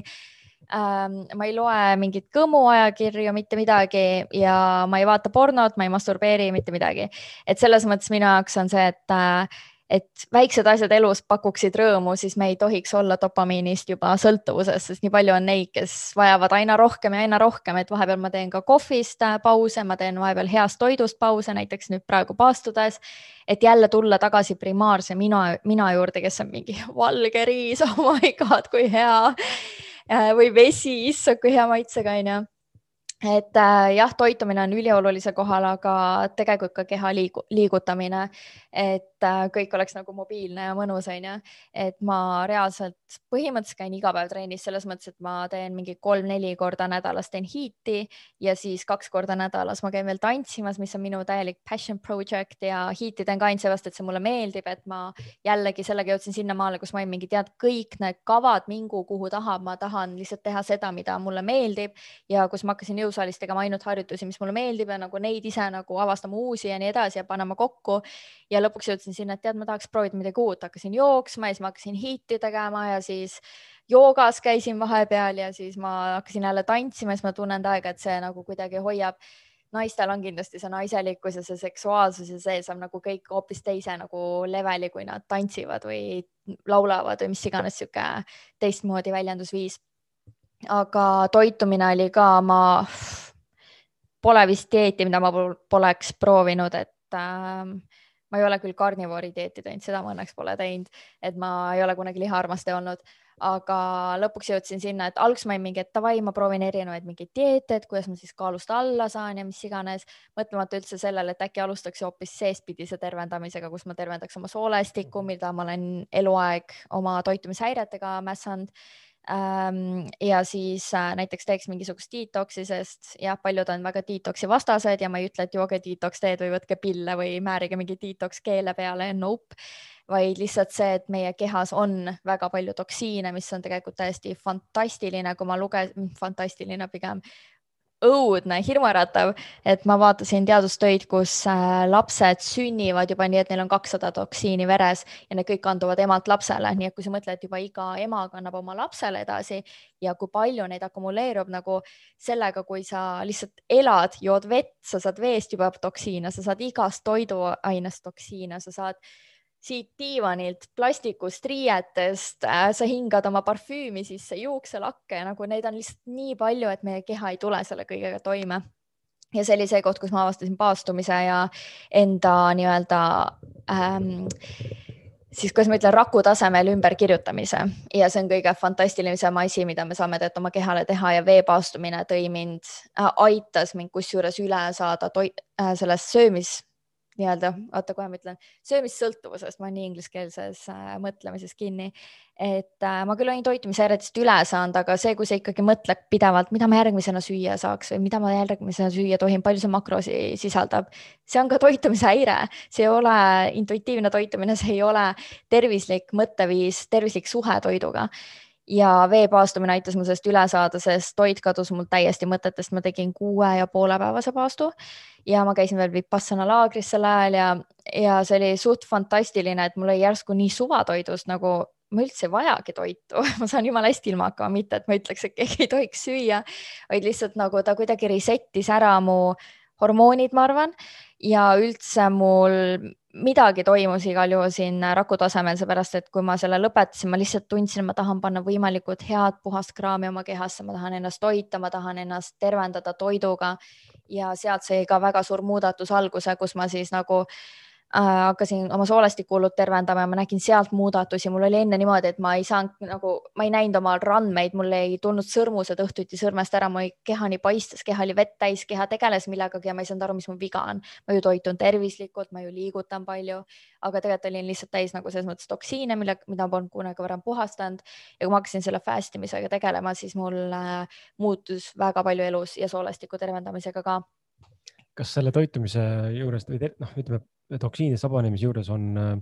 sinu kogemuses on olnud oluline ainult toit või, või näiteks need probiootikumid või mingi muud asjad juurde, et on vaja seal reaalselt midagi juurde võtta või piisab ka sellest, et me paastume või sööme tervislikku toitu? ma kardan, et tänasel päeval ei ole piisavalt puhas toit meile mhm. kättesaadav, ma arvan, et ma peaksin olema nagu juba meie muld on täis toksiine, meie vesi on täis toksiine, kuidas sa kasvatad toitu, kus ei ole toksiine, et isegi orgaaniline mahetoit sisaldab toksiine ja isegi orgaanilisel toidul kasutatakse pestitsiide lihtsalt nagu leebemas or orgaanilisi pestitsiide, ütleme siis nii. Et ähm, ma arvan, et paastumine on esiteks kõige tugevam, võimsam relv, mis meil on, aga toidulisandid ka kindlasti, näiteks äh, ma kasutan glutathionit, mis tegelikult äh, nii-öelda aitab meie DNA damage'it äh, parandada, siis äh, glutatioon on see siis eesti keeles. Ja siis näiteks võtan tsinki, et haigustest hoiduda ja D-vitamiin on muidugi ülitugev äh, antioksüdant meie kehale ja aitab meid igatpidi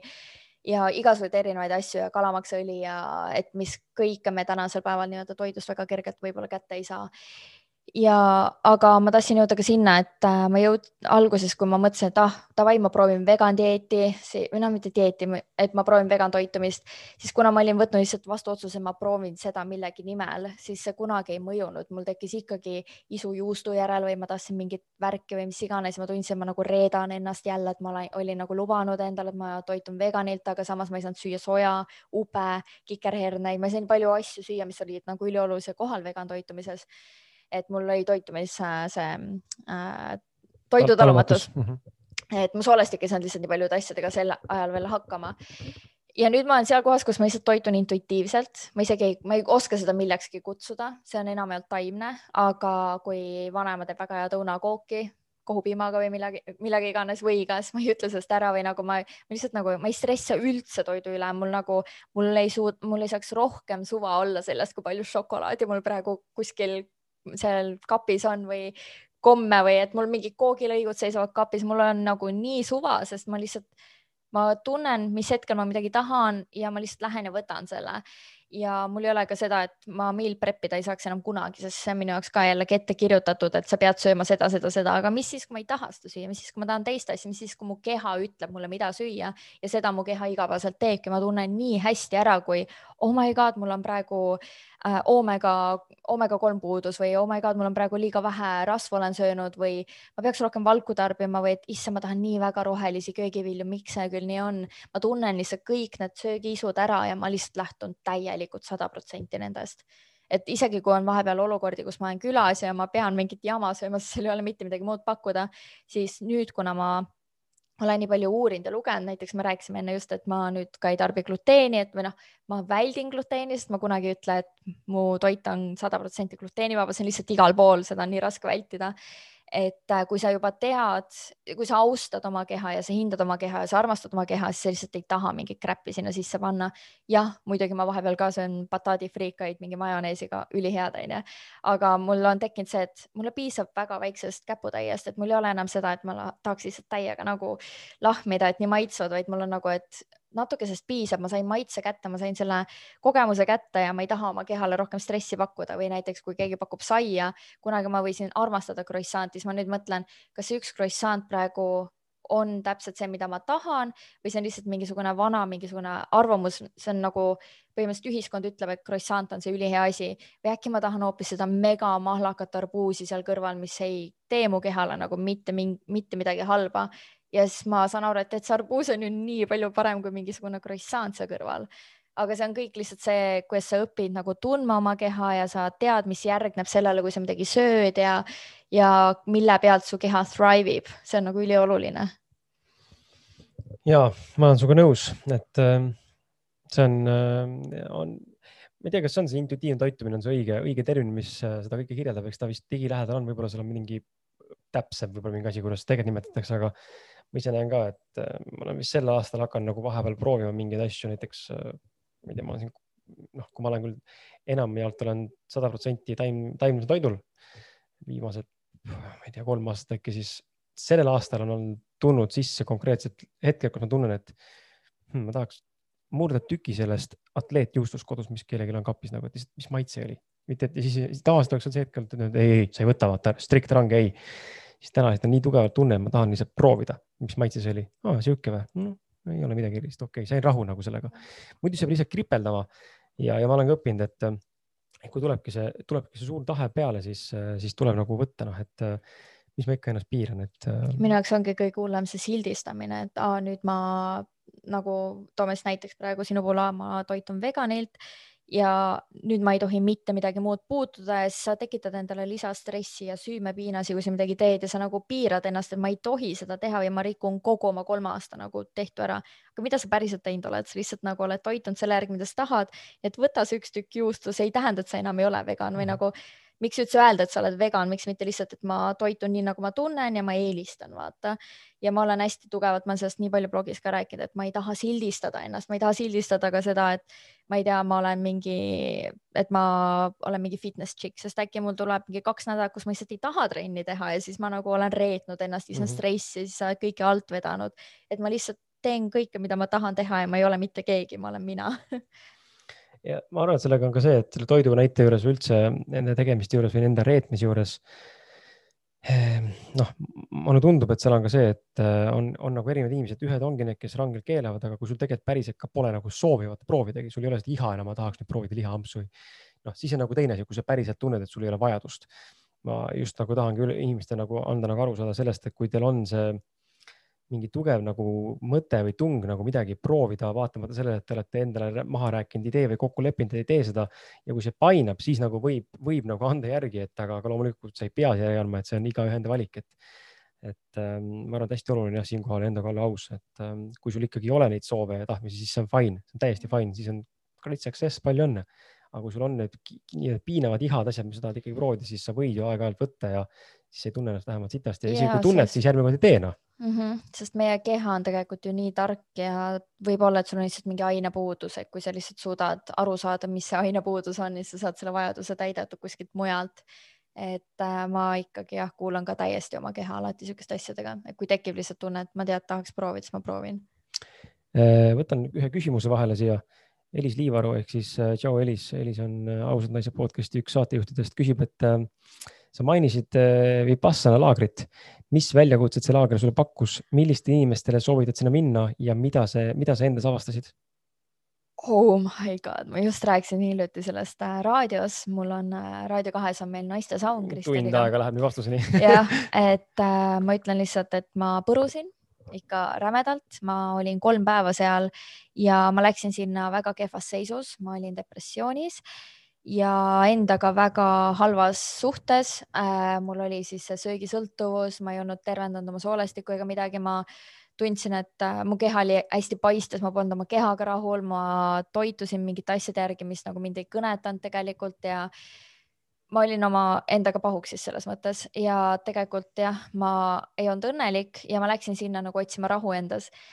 Ja esimesed kaks päeva olid megatoredad, nagu päris toredad, mingi ai ja mulle meeldib, mulle meeldib mediteerida, et ma olen sellega palju tegelenud tegelikult. ja kui sa pead seda tegema neliteist tundi päevas, siis see on teine teema, see ei ole päris see, et viisteist kuni tund aega kodus voodis, tore onju, vaid sa teed seda suure grupi inimestega, sa pead kogu aeg püsima iseendas ja sa teed ainult hingamispraktikat, põhimõtteliselt see ongi, põhineb sellele, et sa hingad sisse, hingad välja ja sa kogu aeg nagu hoiad oma teadlikkuse, teadvuse siis oma hingamisel. Ja ähm, ma siis kolmandal päeval jõudsin kuidagi,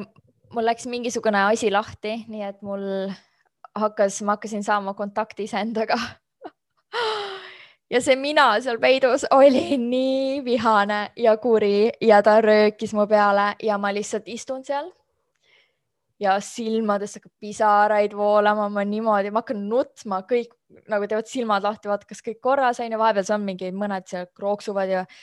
ma ei tea, nad teevad mingi hästi veidraid hääli, mingi kur kurgu mingeid hääli, veidraid ja värke, aga mina hakkasin siis täiega nutma ja siis kõik tegid, muidu ei tehta, keegi, keegi ei tee muidu silmi lahti, siis tegid silmad lahti, et mis toimub, onju. lihtsalt nagu oh my god, ei suuda nagu vait olla. Ja ma ei saanud nuttu pidama ja ma lihtsalt terve päev nutsin, ma lihtsalt nagu ma ei tahtnud olla endaga, ma ei suutnud enam olla endaga, nagu palun andke mulle telefon kätte või midagi, palun, ma tahan lugeda midagi, ma tahan saada oma peast välja, sest need mõtted olid nii kurjad.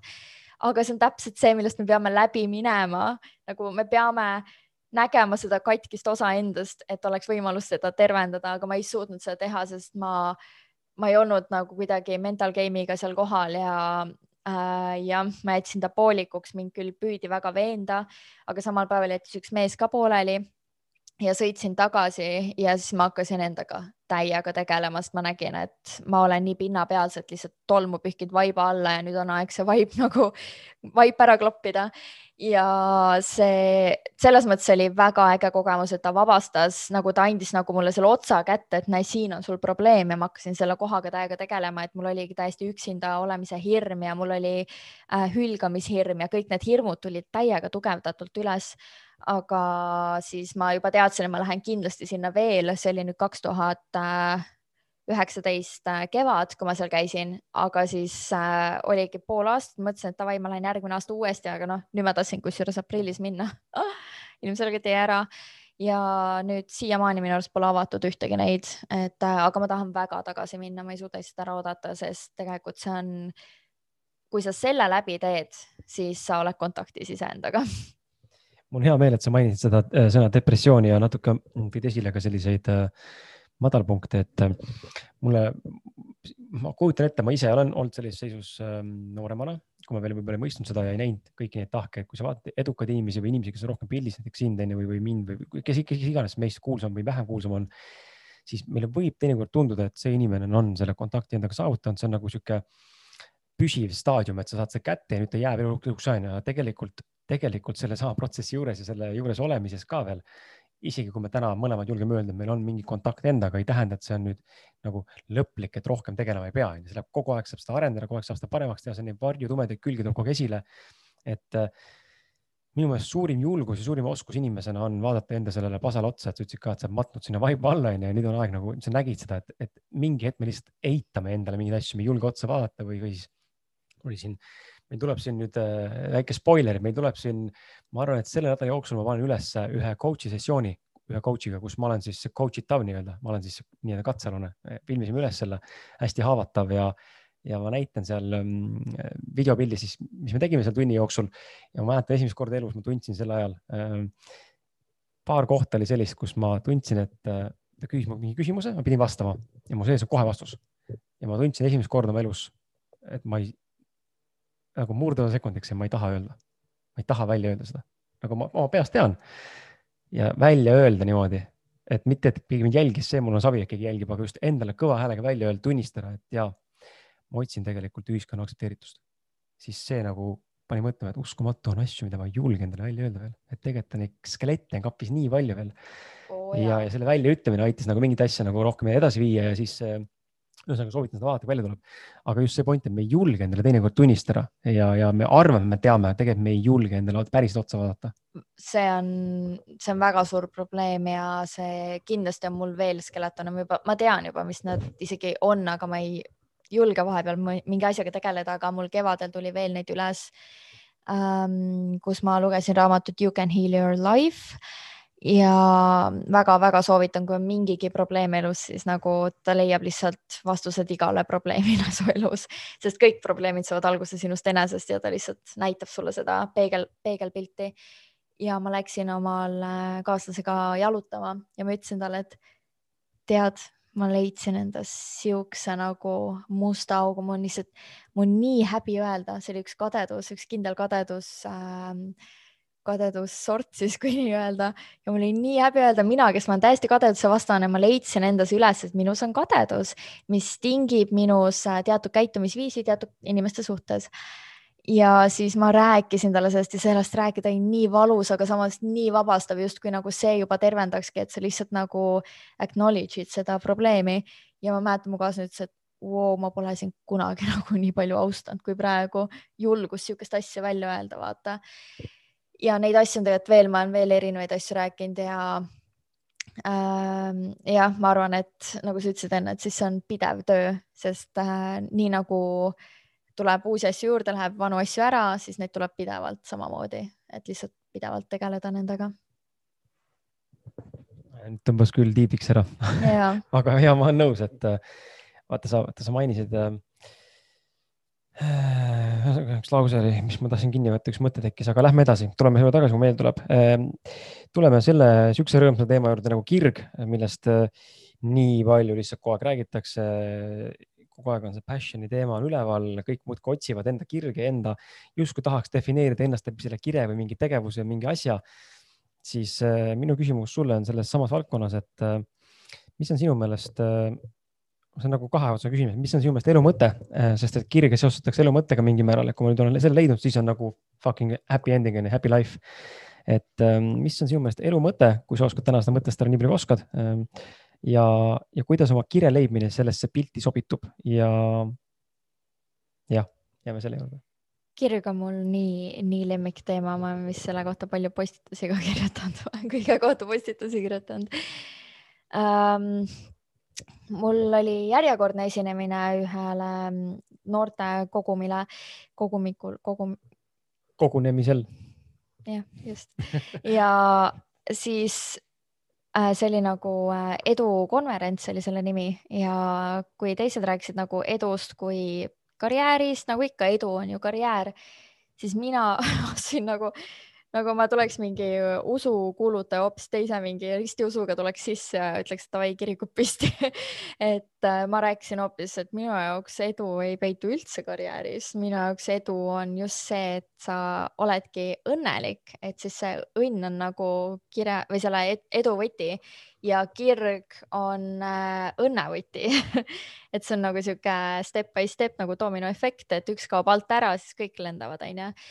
et ma ütlen ausalt, ma pole kohanud ühtegi edukat ärimeest, kes, kui ta ei tee seda, mis talle meeldib, oleks õnnelik. ja ma ei tea, ma ei tea, kus nad on või siis kasvõi kuulsused, kes äh, näiteks aja, teevad nii head muusikat, neil on lihtsalt nagu sihuke fännibaas, neil on raha lihtsalt roppu viisi ja ometi nad äh, teevad üleka või nad äh, teevad eneka et äh, kus see õnn siis on, et kus see edu on, kui edu lõpeb ennasttapuga, onju. et äh, minu jaoks lihtsalt seal ei ole mitte mingit küsimustki, et rahas ja karjääris ei peitu õnnevõti ja eduvõti ka seega sest kes on edukas, edukas on, ma arvan, inimene, kes läheb surivoodile jumala õnnelikuna ja on, et davai, mul ei ole enam, mul ei ole mitte midagi kaotada, ma olen juba kõik saanud et äh, teil ei ole mitte midagi mult ära võtta. Ja ta lihtsalt ei karda surma ja ta ei karda minemist, et äh, minu jaoks kõige edukam inimene siin maamunal, olgu see siis mingisugune kingsepp, kes on äh, iga päev hommikust õhtuni teiste talde ta,, taldasi tagunud, aga endal võib-olla on seal augud enda taldades, aga tal on nii palju kliente, kellega ta suhestub, keda ta armastab, tal on hea pere, kelle juurde iga õhtu minna tal ei ole võib-olla raha kõige rohkem, aga ta saab hakkama, et kes ütleb, et tema ei ole edukas mm. -hmm. et see on minu jaoks alati olnud nagu see küsimus, see on see kaluri ja mis see, vaata, see lühilugu on kalurist ja oligi vist ärimees ja kalur või? ma isegi, ma ei ole kuulnud või? ei ole kuulnud seda. ma olen seda mitu korda kuulnud, aga kuna mul on nii kehv mälu, siis ma ei saa teile edastada. aga see on minu jaoks jah, ja kire leidmine nii kahju on vaadata koolilapsi, kes äh, lahkuvad koolipingist ja neil on esimene asi, et mida õppima minna, et nagu millega saada võimalikult edukaks, millega teenida võimalikult raha, millega olla ühiskonnas võimalikult aktsepteeritud, millega saada võimalikult kuulsaks. ja, ja nii edasi, millega saada võimalikult palju naisi võib-olla ma ei tea. et. või mehi on ju. jah, ma ei tea, kas naistel vist ei ole kunagi probleemi, Eesti naised on ilusad, neil ei ole probleemi. Aga mul õnneks ei ole seda olnud, ma päriselt tahtsin advokaadiks saada, see oli mu südamesoov ja mul siiamaani on see väga kire, nagu see, mu kirg on seal kindlasti kinni ses suhtes, et mulle meeldib ikkagi täiega nagu ma tegelen selle teemaga salamisi edasi, keegi seda ei tea, aga see on mul väga, see õiguste eest seismine, see ausus ja see õiglus on minu jaoks lihtsalt nagu õiglus on number üks asi, et nagu kui sa mu õigustest üle astud, siis sa kahetsed või kuigi ma näen, keegi teeb kellelegi nagu liiga äh, õiguslikus mõttes või lihtsalt nagu aususe mõttes, siis ma lihtsalt, ma ei suuda seda pealt vaadata mm, -hmm. ma pean nagu sekkuma. aga ma leidsin oma kirja nii, et ma lasin lahti et äh, ma jätsin oma õpingud pooleli, sest ma tahtsin minna reisima ja ennast avastama, et kas päriselt olen see mina, kes tahab astu-, nagu, kes tahab saada juristiks või mitte. ja ma läksingi Aussi ja siis äh, ma leidsin lihtsalt, et mulle meeldib nii väga kokata, mulle meeldib kõik toiduga seonduv, mulle meeldib kirjutada, ma kirjutasin äh, reisiblogi, nii et ma nägin, et mulle meeldib, et kus mu kirg on. mulle meeldib kirjutada, mulle meeldib kokata, kellele ei meeldiks süüa. Mina, kes ma olin söögisõltuvuses mulle meeldis veel süüa. Ja mulle on alati meeldinud ka fotograafia, ma harisin ennast täiega fotograafia teemal ja ma võtan kõik, kõiki neid pilte värke hakkasin ise õppima tegema ja paljudes raamatutes on enamik pilte minu tehtud. Ja kõik need asjad andsid mulle kokku selle, et minust peab saama toidublogija. Äh, kuigi blogija ei olnud isegi mingi amet, nagu blogijaid ei olnud olemas, okei okay,, kindlasti jah, mingi Mailukas võib-olla oli olemas, onju, tema jah, aga nagu blogimine on teema. ja siis, et äh, mulle meeldib kokata, siis ma saan nagu kokata retseptiraamatuid äh, retseptiraamatute jaoks ja siis ma saan ju blogida seal kõrval ja eks näis, ma usaldan universumit nagu juhtub, mis juhtub, onju, et ma nälga ei jää. ja mul kõik inimesed ümber ütlesid, sa oled nagu lolliks läinud, et mis sa nagu kõrvetasid omal ajud seal Austraalias ära et kuidas raha teenid? Ja ütlen ausalt, et ma ei teeninud raha esimesed aasta ja kaks kuud, ma just hiljuti vaatasin järgi, millal mu esimene sissetulek oli. ma ei teeninud aasta ja kaks kuud raha ja ma tegin põhimõtteliselt tasuta nii-öelda tööd, ma lihtsalt tegin seda kirega ja mind märgati ja sealt hakkas pihta natukene, natukene, natukene, siis juba keegi ütles, et kuule, sul on talenti ju, et sa oled väärt rohkem või ma ise olin mingi, et tead, mul on nii palju tööd juba, et ma olen väärt rohkem. Ja see lihtsalt läks nagu see on kunagi see, et ma tahan saada blogijaks ja ma tahan teenida raha mingi sotsiaalmeediaga nagu sotsiaalmeediakonto tegin ka lihtsalt niisama Austraalias, mingi esimene klõps oli, ma mäletan, mingi kotkas taevas ja, ja see hakkas kõik niimoodi pihta. Ja see kõik on lihtsalt juhtunud ja see on lihtsalt juhtunud seepärast, et ma kuulan oma sisetunnet, mida ma teha tahan, ma jälgin oma kirge ja ma usaldan, et ma olen kaitstud ja ma olen hoitud ja maailm ei ole minu vastu ja kui miski on ette nähtud, siis ta tuleb ja ta tuleb kerguse ja hiilgusega ja rõõmuga ja mitte miski ei tohi olla elus raske ja nii on kogu mu elu saanud. mu elu on lihtsalt nagu ma, mulle meeldib öelda, et ma tunnen, et mu elu on minuga juhtunud, mis ei tähenda, et ma poleks olnud, poleks pannud väga palju rasket mm -hmm. tööd sinna sisse. aga see töö on tulnud läbi rõõmu ja hiilguse, nii et see töö ei ole olnud raske, sest see raske töö sai olema mu kõige eelistatum töö mm. -hmm. et jah, see on minu arust eduvalem ja see on minu arust kirevalem, et sa teed kõike igapäevaselt rõõmuga ja see ei tähenda isegi, et sa pead iga päev tegema midagi, ma ütlen ausalt, vahepeal möödub nädalaid, kus ma lihtsalt ei tee mitte midagi. Ja ma tunnen, et ma olen hoitud ja ma tunnen, et töö tuleb ise minuni, kui on õige aeg ja ma võin minna täiesti vaba südamega reisima, kas või mitmeks kuuks, ma ei tunne isegi, ma ei tunne isegi ärevust, et ma pean midagi tegema, sest me ei ole inimtegevused, me oleme inimolendid, me peame olema, me peame olema õnnelikud, me peame olema vastuvõtlikud sellele, mida maailm meile pakkuda tahab. see on, sa puudutasid kahte, no ühte tähendab äh, olulist äh, teemat, äh, mida ma saan nagu ise ka rääkida, et et seesama, seesama mm, mõte sellest, et ka minu podcast täna võrreldes eelnevate tegevustega, mida olen proovinud teha, välja arvatud raamatu kirjutamine, see on endiselt veel äh, nagu suures huviorbiidis, et on mingi paus ja ma täna näen, miks see paus on. aga podcast'i teekond on näiteks olnud siin äh, kuulaja, kes võib-olla ei tea, ma ei tea üldse, palju meist, palju teie seast on meie regulaarsed kuulajad, võite siin panna jah, ei, jah, jah, jah või ei, ei. Äh, aga mul on nagu samamoodi olnud see, et selle tegevuse käigus on, on tekkinud see ambitsioon ja huvi eh, seda asja nagu viia edasi, edasi, edasi, kasvatada kogu aeg. ja, ja selle tegevuse käigus ma näen, et ei olnud ühtegi, see teekond on olnud nagu ise tulnud, noh, täpselt sama tunne on, et eh, kuskilt hakkasid peale ja siis täna nagu näed, et tahaks nagu öelda, ma pole mitte sittagi teinud, et siia jõuda, tegelikult seda taustal on väga-väga-väga palju tööd. aga kõik see, see ei ole nagu töö, vaid see on fun sinu jaoks. ja sihuke naine, välismaa autor Angela Duckworth vist, kelle raamat, raamat on raamat nimega The Grit ehk siis südikus eesti keeles, otsetõlkes umbes. ja, ja, ja ja see raamat põhimõtteliselt räägib siis sellest, et kui muidu vaatame inimeste, miks ma küsin, küsin ka kirja kohta, ma hakkan ise ka nägema seda vist, et see vist peab nagu paika. ja sinu näide nagu ja minu näide praegu kinnitavad mingil määral seda teooriat, et tavaliselt inimesed arvavad, et kirg on midagi sellist, mis meil on kaasa sündinud, me sünnime, nüüd on meil nagu kullusikas suus ja taskus on ju, nüüd võtame lahti, pakime lahti, hakkame tegema, onju. Tema nagu siis läbi oma psühholoogia nagu sellise vaatamistulemusena ütleb, et kirg tekib tegevuse käigus, sa hakkad midagi tegema, on ju, sul tekib huvi lihtsalt mingi asja vastu, katsetama, sa avastad, et kurat, ma olen päris osav, ma olen pädev, ma olen talent, ma olen andekas seal, mul tuleb see hästi välja, sulle see meeldib ja siis sealt kasvab välja kirg selle asja vastu, et see on nagu hoopis teistsugune protsess, et eh, tihtipeale tundub, et inimesed enda mingid arengud, eh, kas just nimelt kontaktis endaga liikumise suunas või üldse panevad selle eh, taha nagu pidurdama, et aga ma ootan veel seda, et mingi asi tekitas kirge, vaata, et ma ei hakka peale, ma pole leidnud veel seda, sa ei leia, kui sa ei tee, ei proovi. issand, kui hästi öelda, ma pole isegi mõelnud selle niimoodi, aga see on nii tõsi, sest nagu ma läksin kaussi, ma ei tea enam, mis mu kirg on, kuni ma äh, hakkasin nagu tervendama ennast toitumishäiretest, hakkasin kokkama endale mingeid paremaid toite ja ma avastasin, mulle väga meeldib kokata, mulle väga meeldib süüa ja tegelikult ju näiteks sa ei sünni või sa ei see ei ole nii, et sa teed oma esimesed sõnad, siis sa mõtled juba, et ma tahan, et mulle meeldib male mängida või et. saab blogija jah, et kui sa ei ole kunagi kirjutanud, sa ei mõtle, et sulle meeldib kirjutada, et see on nagu lihtsalt nii basic knowledge tegelikult. aga jah, inimesed, ma arvan, et see ongi see, kus sa pead pressima ennast mugavustsoonist välja, tegema midagi uut, näiteks mina, ma olen tantsinud kõiksuguseid erinevaid tantsustiile nagu hip-hop äh,, breik isegi äh,, girly dance, ma olen äh, teinud äh,, issand, ma olen postitantsu tantsinud, ma olen igasuguseid kõike, mis vähegi võib välja mõelda. äh, ja igasugused klassikalised tantse, kõik onju. Ladina-Ameerika tantsud ja kõike ja siis ähm, ma mõtlesin, et ma tahan jälle tantsida, aga muidugi ülilihtne oleks minna tagasi mingi tuttava tantsustiili juurde, mis sa juba oskad ja nagu tead, et see sulle meeldis. aga mõtlesin, ma tahaks midagi uut, tahan midagi väljakutsuvat ja ma läksin Hammockisse. Hammock on siis nagu see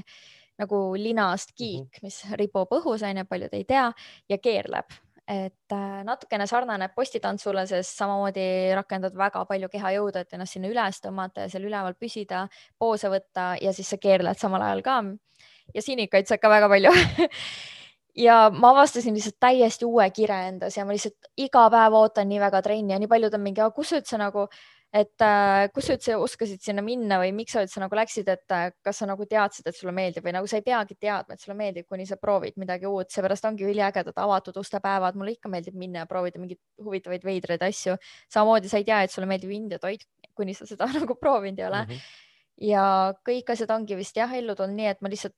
mõtlesin, et davai, ma proovin midagi teha ja siis on nagu vau wow, see ongi minu thing ja ma olen kindel, et meil ei olegi ette nähtud ühte kirge, vaid see võib olla nii, et elu tuleb ju tsüklitena, et tihti mm -hmm. räägitakse kaheksa kuni kümneaastastest tsüklitest ja see võibki olla nii, et iga kord sa leiad mingi uue kire endas, et tihti on ju see, et mingisugusest ametnikust saab hoopis mingisugune terapeut ja siis sealt edasi saab tast näiteks kanepikasvataja või ma ei tea, igasuguseid, ma olen igasuguseid lugusid kuulnud. ja see on ka minuga niimoodi, et äh, ma küll olen püsinud oma esmaste kirgede juures ka, et ma pole blogimist hüljanud, ma pole hüljanud fotograafiat, äh, tantsimist ja nii edasi, et äh, mulle meeldib neid kõiki hoida pidevalt endaga kaasas. aga kindlasti on midagi, mis mingi hetk kaob ja tuleb midagi uut jälle asemele. nõus, täiesti nõus, et see elutsüklite näide, ma arvan, või see mõte on selles mõttes ka õige, et tasu nagu noh, ei tasu ühtepidi endale nüüd pähe määrida, elu lõpuni pean tegelema sellega onju ja teistpidi ei pea olema ka siis ennast piitsutama või kuidagi süüdistama või alavääristama, et ma jätsin pooleli, see on normaalne, noh saabki otsa, siis lähed edasi. see on nii normaalne ja see on väga kasulik ka, et näiteks alustad mingi äri, teed kõik nii, et kõik jookseb nagu ideaalselt ja sul on võib-olla jah kahju sellest nagu lahti öelda, aga lihtsalt müüdki maha ja alustad millegi mm -hmm. uuega, et see on ju nii tavaline, nii paljud ongi te, tegelevadki lihtsalt startup idega ja müüvad maha ja lähevad edasi mm. -hmm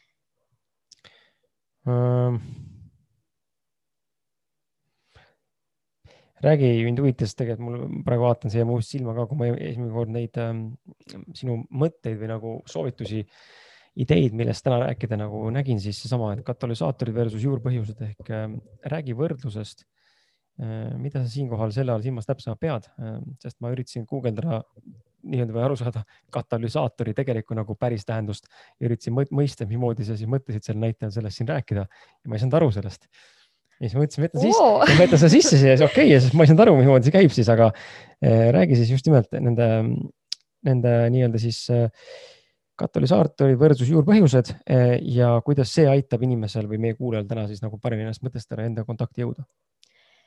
um,? noh kõik, mis ma juba olen rääkinud, käib natukene sellest kõigest läbi, et kui me rääkisime just nendest hormoonpillidest, siis võtame näiteks nii, et äh, akne on katalüsaator ja iga kord, kui sa tegeled katalüsaatori nii-öelda kaotamisega, ravimisega, ennetamisega, siis sa ei tegele kunagi juurpõhjusega, sest akne ei ole sinu probleem, sinu probleem on selles, et su hormoonid on paigast ära näiteks su soolestik on paigast ära. Aga sina võtad, et okei okay,, akne, ma nüüd pean selle ära ravima, nii et sa lähed pillidele ja sa teed asja veel kümme korda hullemaks, see on nagu üks näide. siis ähm, see ongi nagu põhimõtteliselt, et äh, sul on suur haav ja selle asemel, et äh, näha, et sa kõnnid iga päev, ma ei tea, mingi nurga vastu ja nagu lihtsalt mitte sinna vastu enam kõndida, sa paned iga päev uue plaastri sinna peale et see on nagu see teema, millest me räägime ja kuidas see kõige rohkem inimeste elusi mõjutab,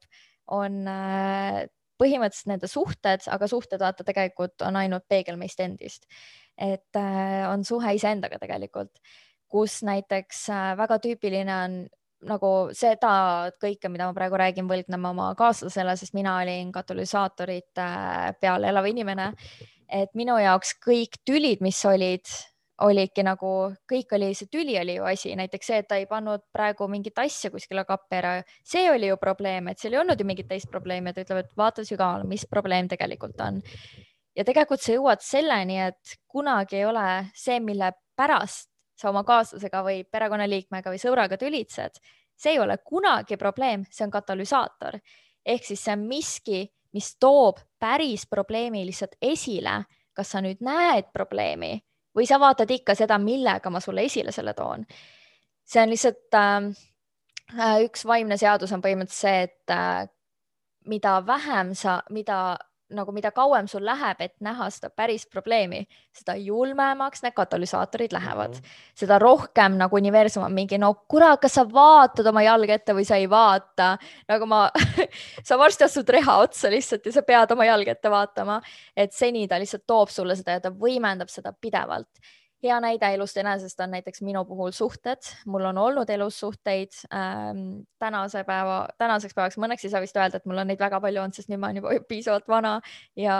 nüüd on juba viimane suhe ka pikem olnud. aga noorena ma olin küll mingi, et issand jumal, vist jäängi lihtsalt ketrama siin niimoodi otsima endale kaaslast. aga ma olin lihtsalt šokeeritud, mis mõttes iga suhe lõpeb põhimõtteliselt sama probleemiga ja ma olin kindel, et asi on selles nagu suhteprobleemis või et nagu ma lihtsalt nagu ma ei osanud isegi kaugemale vaadata, et ma olin mingi, et aa, ma ju, ju ma ei sobi selle inimesega. selle asemel, et aru saada, et see inimene võis mulle sobida ideaalselt ja milles oli asi, oli see, et me valime oma kaaslaseid lihtsalt selle järgi, kuidas me saaksime ise terveneda. üliäge raamat on ähm, Getting the love you want nagu fantastiline raamat ja see ei ole umbes see, et kümme nippi, kuidas semmida endale hea kaaslane, nagu see ei ole see. see on äh, suurim õpetus läbi imagoteraapia iseendasse ja viimasel ajal ma näen lihtsalt, kui paljud inimesed seda raamatut loevad ja kiidavad. aga see oli täpselt see, mis mul oli terve aeg puudu, see teadmine, et äh, mitte ükski kaaslane ei ole, kõik need kaaslased olid katalüsaatorid, nad tõid minus välja ühe koha, kus ma pidin ennast tervendama, aga kuna ma nagu täiesti keeldusin nägemast, et minul on midagi viga, siis oli kõik suhted olid valed ja see inimene ei sobinud ja davai, järgmine uh,. Thank you next onju ja kuni ma jõudsin siis oma praeguse kaaslaseni, kes on äh, vaimselt väga avatud, arenenud ja nagu selline intelligentne inimene ja kõik needsamad probleemid hakkasid jälle otsast peale, ma olin mingi davai, aitab, ma ei viitsi kõik onju. Ja kui esimest korda ma sain aru, et kui tema vähemalt tõi selle minuni välja, et vaata sügavamale, see kõik, unusta täiesti ära, millest me üldse, unusta täiesti ära, mille pärast me nagu vaidleme, et see on katalüsaator. mingi, millest sa räägid, ilmselgelt me vaidleme sellepärast, et sa unustasid seda teha, ta mingi ei, me ei vaidle sellepärast, see on katalüsaator, kas sa vaatad sügavamale? Ja see oli täpselt see, mida ma vajasin, tegeleda juurpõhjusega. ma sain nii palju, ma sain aru, kui palju mingisuguseid enda lihtsalt mingi põhimõtteid mul on, mis tegelikult ei kehti isegi, need on mul lapsepõlvest omandatud, et näiteks iga, ma ei tea, keegi peab tegema seda või muidu, onju, et nagu lihtsalt, mis ma olen võtnud oma vanematelt üle, mis ma olen võtnud oma õpetajatelt üle, kasvatajatelt üle, et kui keegi näiteks hilineb, siis ta on paha laps a la ja siis sa arvadki terve elu, et kõik, kes hilinevad, on pahad lapsed ja nad näiteks ei hooli sinust või mis iganes, see on mingi loll näide lihtsalt aga kui sa hakkad aru saama, et see on lihtsalt katalüsaator ja tegelikult on probleem selles, et sinu uskumus ei ole vettpidav, siis on nagu see, kus sa jõuad, siis, siis see probleem lihtsalt kaobki ära ja mitte kunagi enam, kui inimene hilineb, sa ei vaata seda asja enam niimoodi. see on lihtsalt üks näide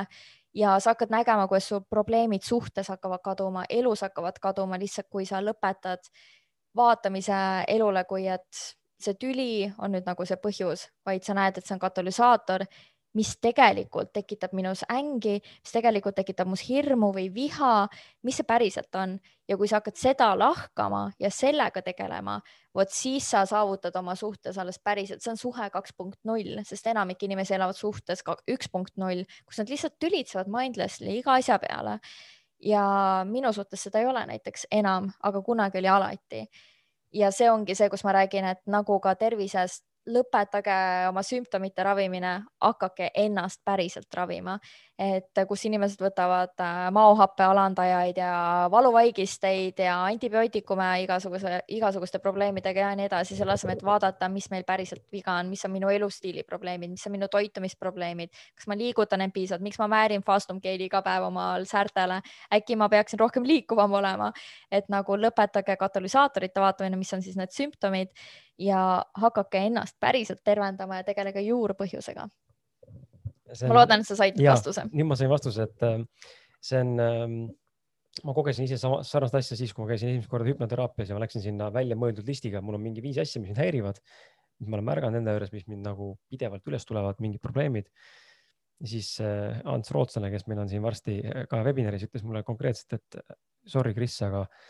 need ei ole probleemid, probleem on mujal, need on tagajärjed, et mm. sa teed neist liiga suure asja mm. -hmm. ja, ja me ei saa, et ei ole mõtet hakata nende asjadega tegelema ükshaaval, vaid tuleb minna sügavamale, tegeleda tuumprobleemi, siis lahenevad need asjad ka ära mm. -hmm. siis ma sain aru, et okei okay,, et ju siis nii on, et see on lihtsalt nii-öelda nagu selle probleemi laiendus on ju et äh, ma küsiks nagu sinu käest ka hea, äh, hea armas vaataja, kuulaja, et äh, anna chatis teada, kui sul vähegi julgust on, et sa ei pea nüüd võib-olla väga detailselt kirjutama, see salvestus tuleb ainult minule ja ma seda kuskil väga ei jaga, aga see jutt, mis Merilin praegu rääkis, et kas sul on ka selliseid asju, kus sa tunned, et äh, mingi korduv muster või niisugune nagu korduv mingi tsükkel või mingisugune asi, mis pidevalt lihtsalt kohetub esile. ma olen tähele pannud seda ka, et äh, ma ei tea, kas ise oled, oled nagu seda mõistnud, aga mulle tundub äh, või noh, vähemalt selleni ma nüüd jõudnud, et mingil määral nagu defineerime ennast või nagu see on, me valime endale, kas siis alateadlikku või siis ise või kuidagi teadlikku või elu valib või ma ei tea, kuidas nimetada seda, aga igal inimesel on kas üks või kaks on ju nii-öelda mingit kindlat sellist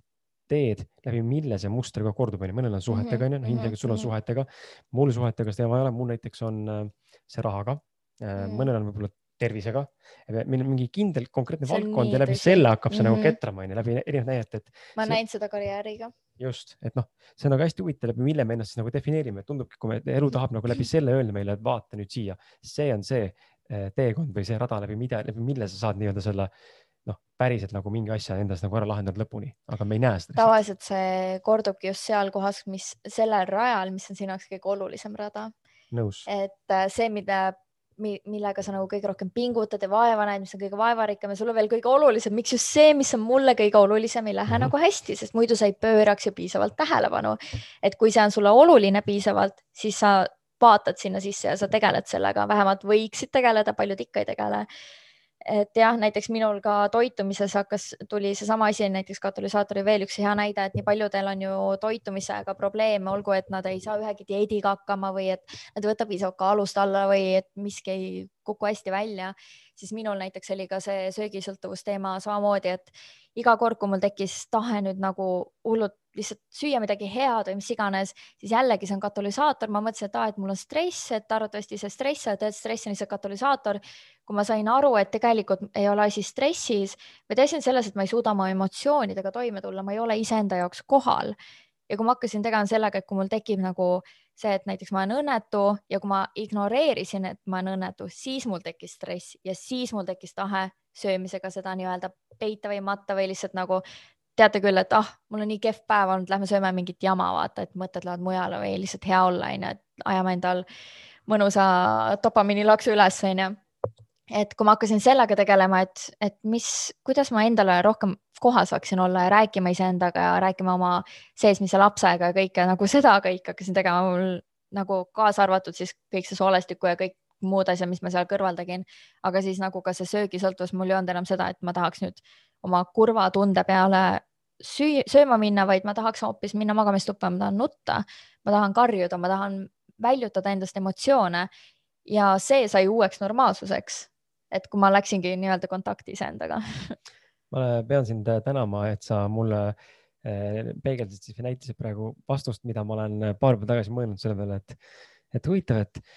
mäletan, ma olin, olin voodis ja ütlesin elukaaslane vist, et kui minul see raha teema peab olema nagu, et türa küll, et kas ei või nagu olla siis äh, nagu mingi, mingi muu teema, vaata, et see nagu tundub nagu olevat kõige suurem teema, nagu kõige olulisem teema üldse elus, nagu et raha kuidagi peab hakkama saama nagu, et miks peab mul seda probleemi olema, võtku siis, ma ei tea, mingi muu valdkond. aga sa ütlesid seesama lause praegu, mis paneb mind nüüd ümber mõtlema selle peale, et meil kõigil on mingi valdkond, mida me peame kõige tähtsamaks, on ju, mhm. iseenda perspektiivist, et sinu jaoks tundub see armastuse teema või suhete teema võib-olla mhm. selline, et miks peab mul just see teema olema, on ju, et nagu või mingi muu olla, tehku siis mingi rahaprobleemid, on ju. et, et ja teine läbi tervise vaatab, et miks peab see teema olema, tehku läbi suhete, on ju. et tänu sinule praegu ma mõistsin, sain aru, et see ongi kõigil vastavad nende valdkonnale nagu võrdväärselt kõige raskem, kõige mm -hmm, keerulisem mm. -hmm. nii et ma tänan sind selle eest. jess siis sa saad, siis sa nagu päriselt näed vaeva ka, et sinna tähelepanu pöörata ja teha see asi korda. muidu ju oleks nii lebo, et ah, mul ei ole niikuinii see raha oluline, las, las need probleemid olla seal mm, -hmm. ma tegelen oma suhetega edasi, onju. et see on vajalik jah meil on jäänud äh, alla üheksa minuti. nii et äh, kui sul on lisaküsimusi, mida küsida, siis palun, see on see võimalus, ma võtan ise ühe viimase küsimuse ja, ja kui sealt rohkem teie poolt küsimusi ei tule, siis, äh, siis me viskame selle kinni ära ja head aega. et ähm, ma võtan siit viimasest kolmest äh,, selle, mida sa arvad enda kehtestamisest ja miks see on vajalik või kas üldse on vaja ennast kehtestada? oi kui hea äh,. minu arust see on nagu it's a must, kui sa oled saavutanud kontakti endaga ja sa oled, austad ennast äh,, pead ennast äh, väärikaks äh,, väärtustad ennast, armastad ennast ja oled enesekindel, siis sa kui sa ennast ei kehtesta, siis see näitab, et sa läkid neid kõiki kohti, ehk siis sul on nagu puudust nendest ja minu jaoks ka üsna hiljutine õppetund, sest ma tegelikult olin alati olemas kõikidele inimestele ja ma lubasin endalt võtta kõike, võtke kogu mu energia. lubage, ma tunnen teile kõigile kaasa, ma aitan, keegi küsib, guugeldan, ma teen, ma loen teie eest teadustekstid läbi ja ma annan teile vastuse, ma teen teie jaoks kõike, ma lihtsalt tundsin, et ma tahan ju inimesi aidata, see on mu kirg, ma päriselt teen südamest kõike, mida ma teen ja ma tahan inimesi aidata. ja siis mingi hetk ma olin mingi, et tead, see võtab tüki minust ära ja siis ma ei ole endaga jällegi aus või nagu ma ei austa ennast, kui ma võtan enda aja ära, et olla näiteks, teha kallimaga midagi toredat ja ma panustan selle inimesse, kes võib-olla isegi ei ütle mulle aitäh enam vastu ja läheb lihtsalt selle infoga ja kõigega, mis ta mult sai. ja ma hakkasin ennast Instagramis näiteks väga teadlikult kehtestama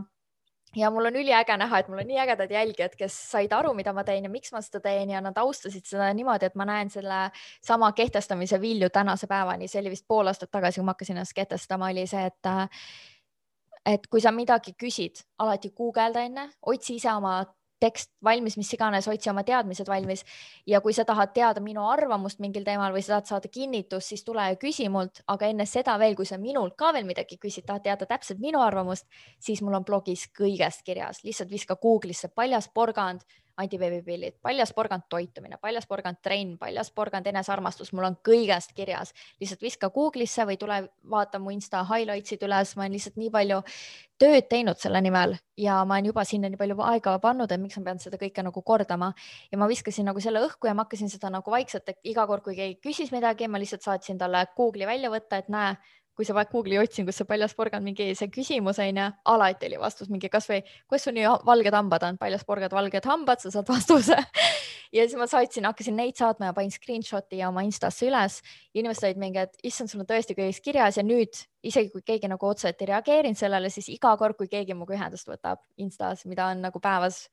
kümneid-kümneid kirju, siis alati on see, et kuule, ma lugesin su blogi läbi, ma guugeldasin selle teema kohta, ma vaatasin su highlights'id üle, ma vaatasin su feed'i, et äkki on hiljutiselt midagi öeldud, aga ma tõesti ei leidnud, kas sa saad öelda, kust see kaelakee pärit on? ma mingi issand, kui nunnu, et isegi nagu kaelakeed on niimoodi mindud otsima reaalselt blogist, et ma päris niimoodi seda ei mõelnud, aga lihtsalt nagu ma näen, kuidas inimesed austavad mu aega, austavad mu energiat ja seda, mida ma olen pannud sinna. Ja juba see, kui inimene ütleb, ma küll püüdsin leida leida, siis mul tekib nagu see, et ma tahan sind aidata, sest sa oled nii armas, et sa nagu austad ja väärtustad mind. ja see ongi see, kui sa näitad inimestel, kuidas sina väärtustad enda enda aega, siis inimestel ei ole muud varianti, kui väärtustada sind vastu. nii et see, kuidas inimesed sinuga käituvad, on otsene peegeldus sellest, kuidas sina käitud iseendaga. inimene, kes on kellegi tallaalune, siis teda koheldakse nagu tallaalust ja ära siis imesta, kuidas kõik viskavad sulle mingeid, ma ei tea, või julgevad sulle öelda, mida tahavad ja mis iganes. kui sina hindad ennast ja ei luba enda piiridest üle astuda, mul on nii, kui keegi mu piirist üle astub, siis ma ütlen, et ma, minu jaoks on see praegu kõik ja ma lahkun ja ma ütlen seda väga blunt and easy, nagu mul on olnud kohti, kus ma olen perekonnaliikmele öelnud kõik aitab ja ma lihtsalt lahkun et äh, mul on väga selged piirid ja ma ei lase neist üle astuda. seda on hea kuulda. vaatan, et mul on siin nüüd, nüüd siis tulevad küsimused, enne kui meil on siin viis minti jäänud, onju. et ähm, aitäh teile, ma kohe vaatan siit äh,. kas oskad eestikeelset raamatut ka soovitada? on üks küsimus siia. ma ei loe tegelikult üldse eesti keeles raamatuid, aga üks raamat, mille ma lugesin, mis mulle kingiti, oli Emotsioonid Ähm, see on äh, Ingvar, Ingvar Villido raamat ja väga hästi selgitab ära, et emotsioonid ei ole nagu meie vaenlased, vaid neil kõigil on oma koht ja mis nende mõte on ja kuidas neid nagu hoomata, et seda ma soovitaks siis on kaks äh, natuke sellist äh, põhjalikumat küsimust, ma kardan, et me ei jõua nendele anda põhjalikku vastust ja mina jätan siinkohal vastamata, sest et ma ei okay., ma tõesti, ma tõesti näen. loe mõlemad et, ette, ma vaatan, kummale ma kirja vastan. Äh, ma tõesti noh, ei, ei saa, see on nagu sügavad vastused ja, ja lihtsam on öelda. äkki ma võtan et, Instas mingi küsimuse üles siis? ma ei tea, näiteks noh, siin on, Anne küsib, et kui on teada, et tüli on katalüsaator ja tegelik põhjus on mujal sinus eneses, siis kuidas aru saada, mis see tegelik põhjus on? Seda on küll raske aru saada ja sa pead hakkama vaatama neid erinevaid katalüsaatoreid, kus sa tunned, hästi kerge on võtta emotsioon, emotsioonide järgi. Mingi tunne, mis tekkis, et näiteks mul on erinevate tülidega tekivad erinevad tunded, vahepeal tekib kõrrivalu, vahepeal tekib südamesse niisugune kokkutõmme, vahepeal tekib hirm, ärrituvus või niisugune, et oh, nüüd tahaks lahkuda. Ja need tunded on minu jaoks nagu teejuhiks, et kui see tunne kordub, mingi kindel tunne, et sa, sa tunned selle ära, kui sul on mingi kindel tunne et äh, sama nagu sa tunned ära, kas sul läheb külm vesi või kuum vesi vastu, sa tunned ära selle. Ja siis sa nagu ühendad need ja sa hakkad mõtlema, et kust see pärit on, näiteks kui sa äh, ütled oma kaaslasele, et see äh, You can heal your life on väga hea raamat, et seda asja praegu hakata praktiseerima, aga näiteks kui sa ütled kaaslasele, et miks sa oma musti sokke kunagi ära ei korista, jääb mind nii närvi, sa mõtled, et see on sinu tüli põhjus. tegelikult võib asi olla selles, et sulle meeldib puhtus, aga su kaaslane võib-olla puhtust nii väga ei hinda. Ja kas sina tegelikult, kas tema peab sinu pärast puhastama kodu või siis sinu jaoks on puhtus nii oluline, et sulle tegelikult meeldib puhastada ja sa eeldad, et su kaaslasele meeldib ka ja pärast, kui sa hakkad võtma ta musti sokke iga kord ise üles, sa paned tähele, et tead, mulle meeldib korras kodu, mulle meeldib koristada, miks ma enda vajadusi sean kellelegi teisele. see on üks näide ja see on raamatus ka taoline näide toodud tegelikult, et sa paned tähele, et asi ei ole selles, et ta mustad sokid vedelevad, asi on selles, et mina enda vajaduse sean oma kaaslasele ja ootan temalt selle täitmist näiteks. Ja sa paned tähele, kuidas see juhtub näiteks kokkamisega, miks ta ei ole mulle süüa teinud või see juhtub näiteks äh,, miks ta ei viinud koera välja või mida iganes, see hakkab nagu sa hakkad tähele panema, et kõik need asjad hakkavad lahtuma ja sa saad kaaslasega rääkida juurpõhjusest. et ma ei ütle, et naised peavad nüüd hakkama meeste sokke koristama, vaid sa saad ka rääkida, milles päriselt asi on, et asi ei ole võib-olla nendes mustades sokkides, vaid üleüldse mingites asjades, kus sa tunned, et te võiksite mingisugust vajadust nagu jagada või mis iganes mm. -hmm. ma arvan, et kommunikatsioon on hästi oluline suhete ja. puhul, et äh, ma toon siia sellele soki näitele juurde selle näite nagu täiendan seda näidet siis soki näidet sellega, et võib-olla sok-, vedele, vedelevate sokkide nii-öelda staatus on kaaslase jaoks ka puhtusmärk, see ei ole võib-olla tema jaoks ebapuhtuse märk mm. -hmm. ja see ongi see, et te räägite läbi. aru, on ju, et siin tuleb aru saada, kuidas te, mida mõistate. ja kui me räägime maailm on sinu peegel terminist, siis seesama asi, et sind käivitab praegu see, et tal on sokid maas või mind mm -hmm. käivitab, kunagi käivitas see, inimesed tegid suitsu ja tarbisid alkoholi, ma läksin mega närvi. siis asi ei ole mitte nendes, neil on ju hea olla seda tehes mind häirib, see järelikult asi on minus, siis tuleb mm -hmm. küsida enda, küsi endale neid küsimusi. kui tuleb see hirm, nagu Merilin rääkis või need emotsioonid, siis kui tabad ära, et midagi on kõripiirkonnas või mingi hirm või mingi ärevus, siis küsi endalt näiteks, kas see kirjalikus vormis päevikusse või, või, või Wordi dokumenti äh,. kusjuures You can heal your life raamatus on ka olemas worksheet selle nimi on uh, Judge your neighbor worksheet, kui te panete Google'i otsingusse. Ükskõik, mis asi teid häirib, pange sinna worksheet'i esimeseks lauseks ja seal on järgnevad küsimused ja te jõuate alati tuumani. ja see on ja, ja see on nii häiriv ja sa oled nagu, miks mina nii häiriv hoopis olen nagu, kuidas keegi üldse minuga koos suudab olla. et see on väga äge, ma väga soovitan seda raamatut, see oli väga äge meil on äh, põhimõtteliselt äh, kolmkümmend kell, et äh, härra kohe kukub uks sisse meile siia. viimane küsimus, vastame selle kiiresti ära yeah.. Tuuli küsib, et kui murekohti on palju, suhted, raha, lapsed ja teised, siis mida see esmalt ütleb ja kuhu poole minna, kõik kuidagi kinni. väga hea saade. mina soovitaks minna coach'i või terapeudi juurde, kui see ise ei suuda asju enda jaoks nagu lahti mõtestada või piisab. ja tihti on vajalik tegelikult lihtsalt rääkida, saada neid asju endast välja ja nagu lei-, nagu näha uut narratiivi teist perspektiivi inimesed mm, -hmm. kes sind ei tunne, vaata nagu yeah. näeb suuremat pilti lihtsalt nagu kõrvalt, noh, et äh, see aitab väga palju. sest äkki ei ole asjad nii pekkis, sest ähm, tihti on see, et meil on mingisugune false perspective mingist asjast, kuidas mingi asi peaks olema. ma olin ka kunagi, et issand, ma elan ikka veel üürikorteris, ma olen nii vana, nii vana onju, mul pole ikka veel suhet ja mul on see paigast ära, mul pole mingit kindlat sissetulekut see on ühiskonna normide järgi paigast ära. aga tegelikult, kui ma vaatasin oma elu, ma olen ülirahul kõigega, mis mul on, mul ei olegi vaja maja, ma tahangi äkki minna reisile ja jätta oma korteri kuhu iganes ja äkki ma ei olegi valmis suurteks, äkki mulle meeldibki tegelikult sõbrannadega praegu väljas käia, nautida teistmoodi elu ja nii edasi. et sa ei eksiks ära sellesse, mida ühiskond sinult nõuab versus see, millega sina õnnelik oled ja tihti ongi see, et me isegi ei saa aru, mis meie jaoks, millega me oleme õnnelikud ja see ongi see, et nüüd mul on vaja abielu, nüüd mul on vaja lapsi, et olla õnnelik, nüüd mul on vaja maja, et olla õnnelik, mul on vaja nüüd autot, et olla õnnelik. Inimesed ei tea, mis neid õnnelikuks teeb. ainus, mis sind õnnelikuks teeb, on see, kui sa oled ühenduses enda ja oma emotsioonidega ja sa suudad lihtsalt leida rahu sel, ilma selleta, ükskõik mis väljaspoolt tuleb, sa suudad rahul olla sellega, mis sul siin on, siis sa oled ainult õnnelik ja mitte miski muu ei saagi sind õnnelikuks teha. ehk siis kontaktis endaga. jah äh, aitäh sulle, Merilin. Ja, ja aitäh sulle. aeg läks kiiremini, kui ma arvasin. meid vaatasid. viimane äh, asi veel, et sihuke raamat nagu Buda aju äh, leiate Million Mindseti koduleheküljel million.ee, kui soovite kui küsisite nüüd eestikeelset raamatut, siis see on teine siis, eestikeelne raamat, mida ma loen siis saab soovitada, Merilin saab selle endale, et äh, saab lugeda, see on siis õnne, armastuse, tarkuse praktiline neuroteadus ehk siis niisugune natukene rohkem akadeemilisem ja teaduslikust tasemest äh, kirjutatud siis põimitud nii-öelda esoteeriliste ja spirituaalsete nii-öelda siis äh, idamaade kunstide ja mõtlemistega äh,. aitäh sulle, sinuga kohtume juba järgmisel webinaril, teine detsember kell neli ja meil on Natalja Prümmel, holistiline karjäärinõustaja äh,. ja, ja sinuga siis äh, nii ongi sinuga kohtume. Minuga kohtud Instas tšau. tšau.